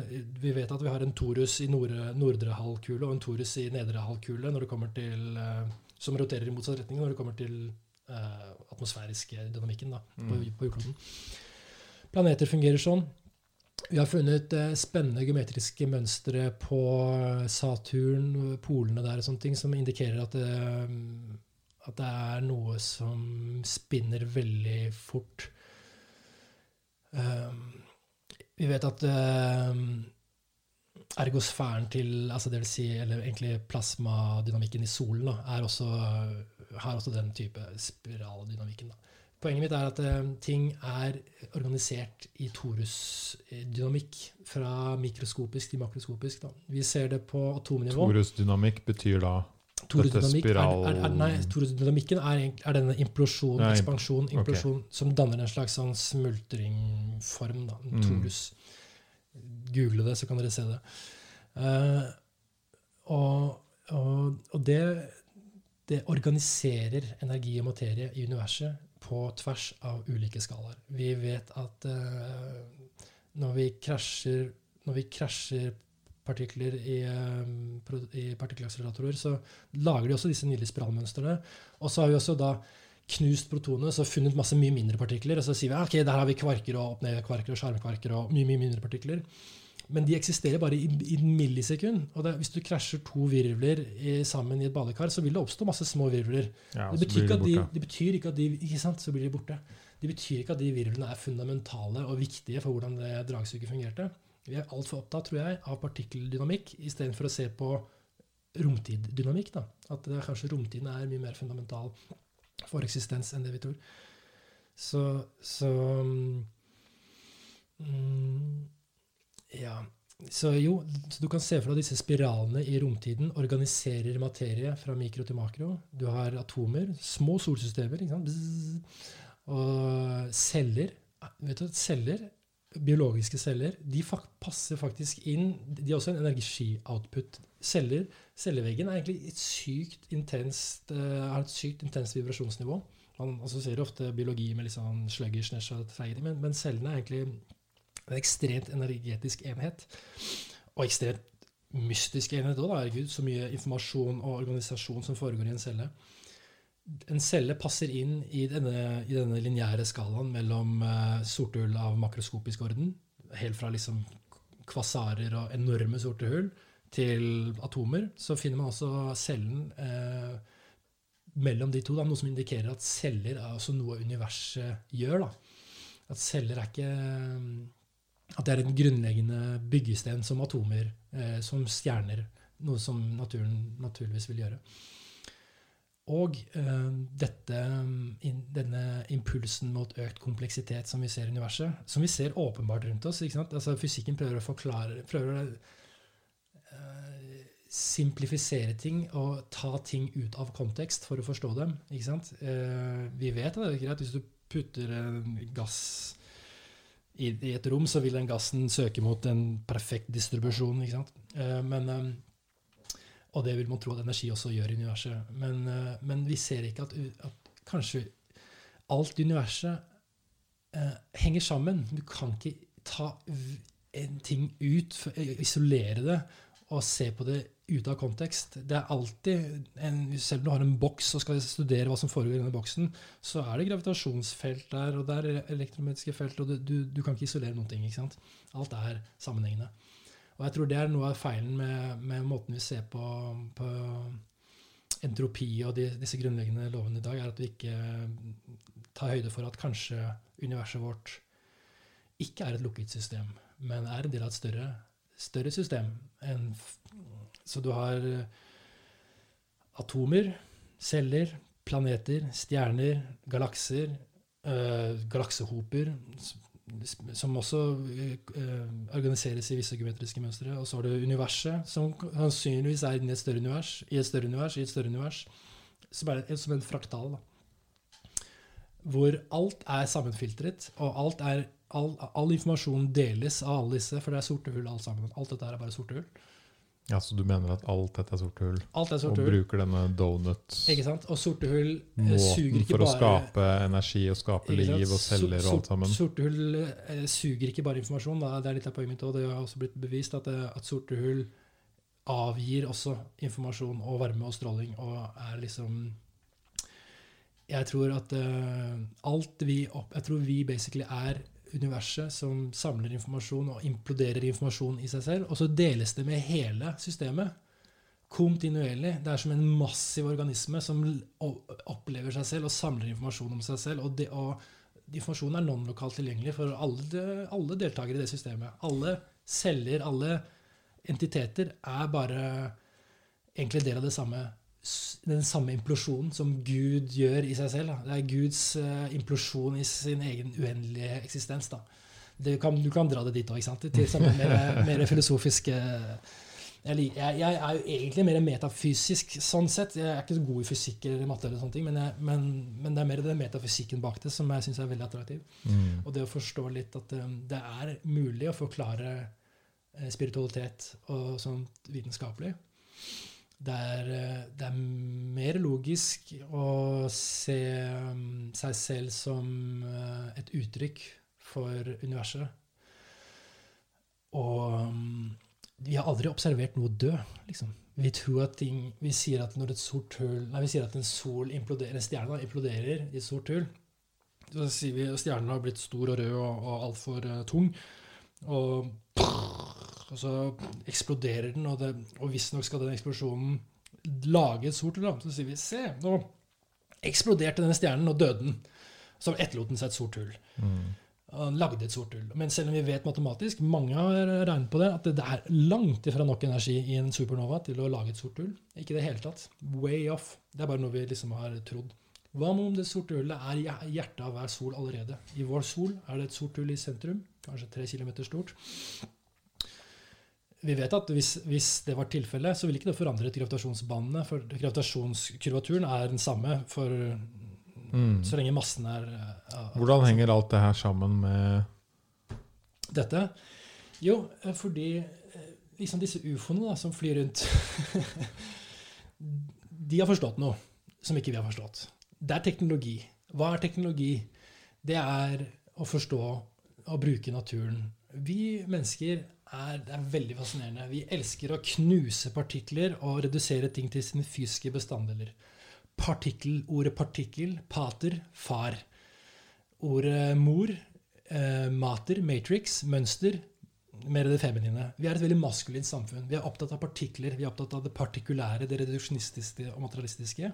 Og vi er i den fasen hvor vi liksom Ja, i hvert fall i Østen Nei, I- i Vesten, Ja, ja. Vesten, mener jeg. Ja, ikke sant? Og, og, det, og det er jo liksom veldig morsomt, men vi er en, en kraftig overgang. Det, er, det har skjedd masse i det siste, og, jeg- og jeg er ikke sant, jeg altså Det er fantastiske mye vitenskapsmiljøer der ute som er veldig. Nettopp. Det skal, det, det skal, og er, vi er i forandring, så man skal ikke liksom skjære alle over en kam her. Men litt sånn satt på spissen, da, så har vi jo vært det lenge. Eh, veldig reduksjonistisk. Og du kan si det har vært en, kanskje en sånn vi, et behov vi hadde for å skille oss fra religion og dogmer tidligere. ikke sant? Og så trenger man å ta litt avstand fra det. Og så da nå er liksom ungdomsopprørstiden begynner å nærme seg slutten, og vi kan se mer på Ok, kanskje vi kan møtes igjen, da. Mm. Spiritualitet og vitenskap. Helhet og partikularitet. Vakuum og Eller space og, og materie, da. For å si det på den måten. Eh, så vi, vi som sivilisasjon så har vi forståelse for elektromagnetisme. Den mestrer vi. vi forståelsen vår av elektromagnetisme har forandret verden, selvfølgelig. Sant? Vi har internett, og vi har dataer og lys og alt. Alt det har kommet fra elektromagnetisme. Vi er en, en sivilisasjon basert på den teknologien. Og elektromagnetisme har vi mm, koll på. Vi forstår den Ja, mestra. mestra. Mm. Riktig. Gravitasjon derimot vet vi ikke kilden av enda. Det er nettopp denne diskusjonen vi har hatt nå. ikke sant? Og man kan jo se for seg hvordan vil en, vil en sivilisasjon som mestrer gravitasjon, sette ut? Hvordan vil en sivilisasjon som forstår at alt er et uttrykk for det samme, at alt er egentlig ett, at vi er informasjonssamlende entiteter Hvordan ville en sivilisasjon som kanskje kan bare bevege seg fritt i galaksen, og forstår at liv er universets måte å lære om seg selv på. Det ville kanskje vært i deres interesse til og med å, å lage liv på, på, mange forskjellige planeter for å akselerere den læringsprosessen som universet er i. Da. Man kan se på den måten. Men, men, men også hvordan byggverk og hvordan ting kunne vi bygd på jordkloden, og hva kunne vi brukt uh, livet vårt til om uh, vi hadde uendelige ressurser. Da. For det er jo tilfellet hvis man har kontroll på, på gravitasjon, så, så, er ikke vi det samme lenger. Nei. Da blir vi noe helt annet. Vi, trenger, vi, er ikke bundet til den planeten i det hele tatt. Vi har uendelig energi, uendelige ressurser. Man, det, vi, vi ville blitt noe annet enn det vi er nå. Og det er tegn på at noe noen eller noe på jorda har eh, hatt veldig liten Eller jeg vil si har hatt kontroll på gravitasjon før. Da, da snakker jeg om pyramidene og disse enorme byggverkene du finner i Sør-Amerika, Chile uh, Rundt omkring i verden. Megalittiske steiner og sånne ting som er flyttet på og gjort utrolige ting med. Uh, det er noe der i historien vår som ikke uh, stemmer helt med hvordan vi ser på det i dag, tror jeg, da. Og jeg mener det er masse indisier på det. Eh, det er liksom, Du har 600 forskjellige kulturer som snakker om det samme. At eh, før eh, denne katastrofiske flommen, før denne katastrofen, så, så var liksom for 2000 år siden så, så var det en annen tid hvor englene var iblant oss, eller hvor det var Guds sønner eller de fra himmelen eller Det er masse forskjellige stories. Noen kom ned fra himmelen, bla, bla, bla. Hvis man går litt i litteraturen, så finner man ganske mye av det. Og vi velger å tolke det som mytologi og symbolikk nå, men, men det kan jo muligheter kanskje var mer konkret enn det vi tror. Uh, jeg vet ikke, men uh, selvfølgelig. Men, uh, men det er såpass mange anomalier når det kommer til spesielt Egypt, da, for å velge ut ett sted at det bare henger ikke på greip at de skulle bygge pyramidene som noe av de første byggverkene mennesket gjorde sånn i organisert uh, stor skala. Uh, med den presisjonen og den mengden masse som er blitt flyttet på på den angivelig så kort tid, er, er helt usannsynlig. Helt. Virkelig. altså Hvis man studerer pyramidene, jeg syns det, det, er sprøtt at ikke flere Det er jo en bølge som er mer interessert i det nå, men, men det er eh, mye der altså, som er veldig interessant. Mm. Pyramidene består av 2,3 millioner steiner. De veier i snitt to tonn hver. De er fraktet i um, noen tilfeller 10-20 uh, km. Nei, kanskje mye mer. Jeg husker ikke helt. Langt, i hvert fall. Og, og um, de skal angivelig, den skal angivelig ha blitt bygd på 20 år. Du kan bare gjøre et enkelt mattestykke. Du kan dele antall steiner på den tiden det ville ta å plassere hver stein. De måtte ha brukt, liksom, Hvis de jobba døgnet rundt, da, disse høy, veldig motiverte slavene eller, eller, skattebetalerne eller hva det var, farmers, som kanskje er den siste teorien, eh, skal ha plassert 2,3 millioner steiner de, eh, på 20 år. De må ha brukt fire minutter omtrent på hver stein. Jobba døgnet rundt. Uh, og endte opp med Ja, Med tanke på hvor mange som levde der på den tiden. og... Ja, nå snakker jeg om selve byggverket. Det, det, består, selve byggverket, ja. det, det består av eh, to, Du kan regne deg fram til hvor lang tid man må ha brukt på hver stein. Hvis, altså, for teorien er jo at det har blitt bygd på 20 år, for det, det må ha blitt for at han Tutankhamon eller Jeg husker ikke hvem det var. Ja, det var bygd til, det var kanskje ikke han. Men uh, en av de, en av de uh,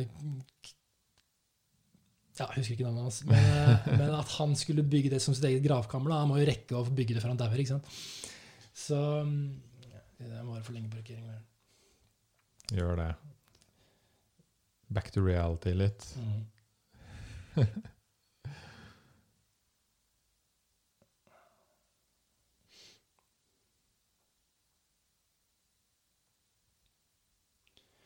Så for at um, han skal kunne ha bygd byggverket så, før han døde, så, som har ha brukt 20 år, da.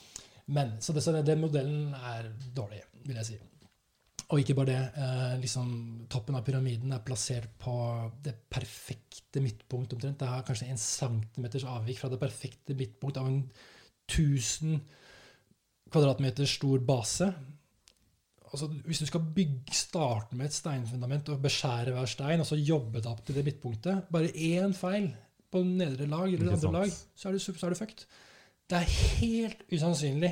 Helt, Vi hadde ikke klart det i dag. Vi hadde kanskje med helt enormt med ressurser, så kanskje vi kunne lagd en kopi.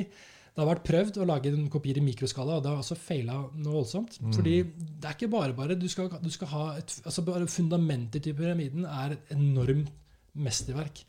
Å få et flatt fundament som er så stort, og så skal du bygge det, det, det byggverket. Og det var jo mye mer presist før. Det var jo med hvitpolerte eh, sandsteiner eller kalksteiner eh, med eh, en gulltopp. Altså, det bygget er ekstremt. Ja, men ikke bare det. Du har også Sfinksen, som viser erosjonsskade. Her snakker Graham Hancock også mye om. Erosjonsskadene på svingsten tyder på at det var bygd mye, mye før Mm. Jeg har også lest det. Ehm, så Og det er ikke bare i Egypt. Nei. Du har eh, jo Lima i Peru, og Peru, og du har um, Cusco, disse svære steinblokkene. Og der ser du også et annet fenomen. Eh, steinblokkene har sånn polygonale overflater som er perfekt plassert sammen som et puslespill. ikke sant? Og når man ser på sømmene, så, er, så, er, så ser det ut som steinene har vært myke som marshmallows omtrent. For de har bare sunket litt inn i hverandre. Og det er, sånne, det er små detaljer der som bare som hadde vært ekstremt tidkrevende å lage, men som ikke hadde vært så tidkrevende hvis steinene faktisk var formet av med en eller annen teknologi som ikke vi har. da.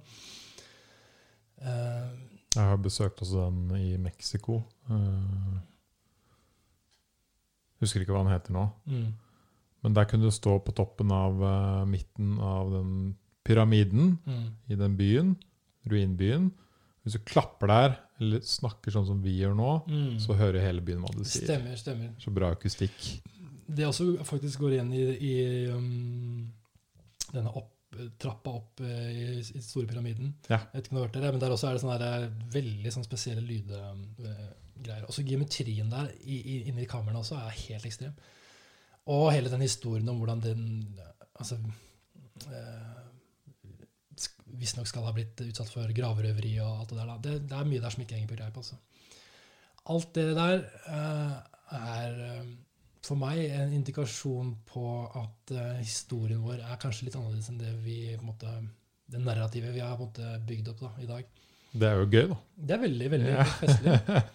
Veldig festlig. Dette er gøy. Det, ikke sant? Det er spennende å tenke at eh, shit, vi veit ikke alt om Nei, historien vår. Vi veit heller Veldig. ikke alt om hvorfor vi eksisterer, eller hva Og, og, og de til og med altså, Bare for å gå liksom til utgangspunktet av livet på jorden. altså han Francis Crick, han som eh, oppdaget DNA-spiralen, han for så vidt, det er også verdt å nevne, fikk den innsikten på en LSD-trip. Det gjorde han. Så av at, at DNA-spiralen måtte være i form av en dobbel helix. Så, så klart han hentet inspirasjon fra et sted, han òg. Men, øh, men øh, Det er ganske sprøtt å tenke på. det er det. Det er veldig sprøtt. Han som han også, fant opp DNA og forsto det, han skjønte det når han tatt LSD. mm, Så han Som øh, oppbygningen av det. Ikke sant? Ikke sant? Det er jo interessant. Det er litt supernatural. Det er jo det. Det er mm. det. Han kom i kontakt med han så en annen frekvens, Ikke sant? Det er det som vi har snakka mye om. Og han tenker mye på de tingene. Han er dypt eh, interessert i disse tingene. Det er klart Han kobler seg på sånt, og så får uh, åpner jo opp tankebanene til nye dimensjoner. så fant han det. Men han hadde også en teori om at, som han kalles for pansepermia, at, um, at livet på jorden um, Eller det kalles for directed pansepermia. At livet på jorden ble initiert av en annen intelligens. da. Fordi han, han syntes at det, han mente at DNA er for komplekst. Ja, det har jeg lest. Det sto faktisk her. Naturlig, ja. Uh, og, og det stemmer jo overens også med fysikken vi har i dag. i hvert fall, at det, altså, jeg mener, det her henger ikke helt på greip. Uh, og i hvert fall ikke at det, det er ikke noe sånn Darwinistisk sett så er det ikke noen grunn til at vi skal bli men, få kognitive, høyere kognitive egenskaper og kjøre det risky evol- evol- evolusjonskappløpet. Det hadde vært mye mer overlevelsesdyktig om vi bare ble bakterier, forble bakterier og fløyt rundt. Mm. Darwinisme i seg selv forklarer ikke hvorfor ting skal bli mer og mer komplekst. Men jeg, jeg føler at folk åpner seg mye mer for de, disse ideene nå. At eh, det går an å ha flere perspektiver da, på, Ja. på dette. Og det har vel egentlig vært eh, målet med den fine morgensamtalen her.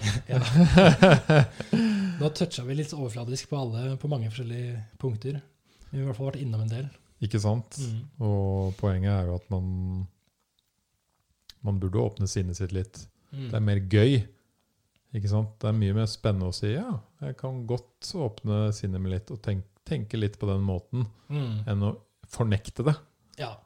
Og det er jo Men jeg kan ikke tenke meg noe mer eh, personlig, på en måte, enn å utforske sin egen historie, vår historie, hva vi er, hvor vi kommer fra, hvor vi skal.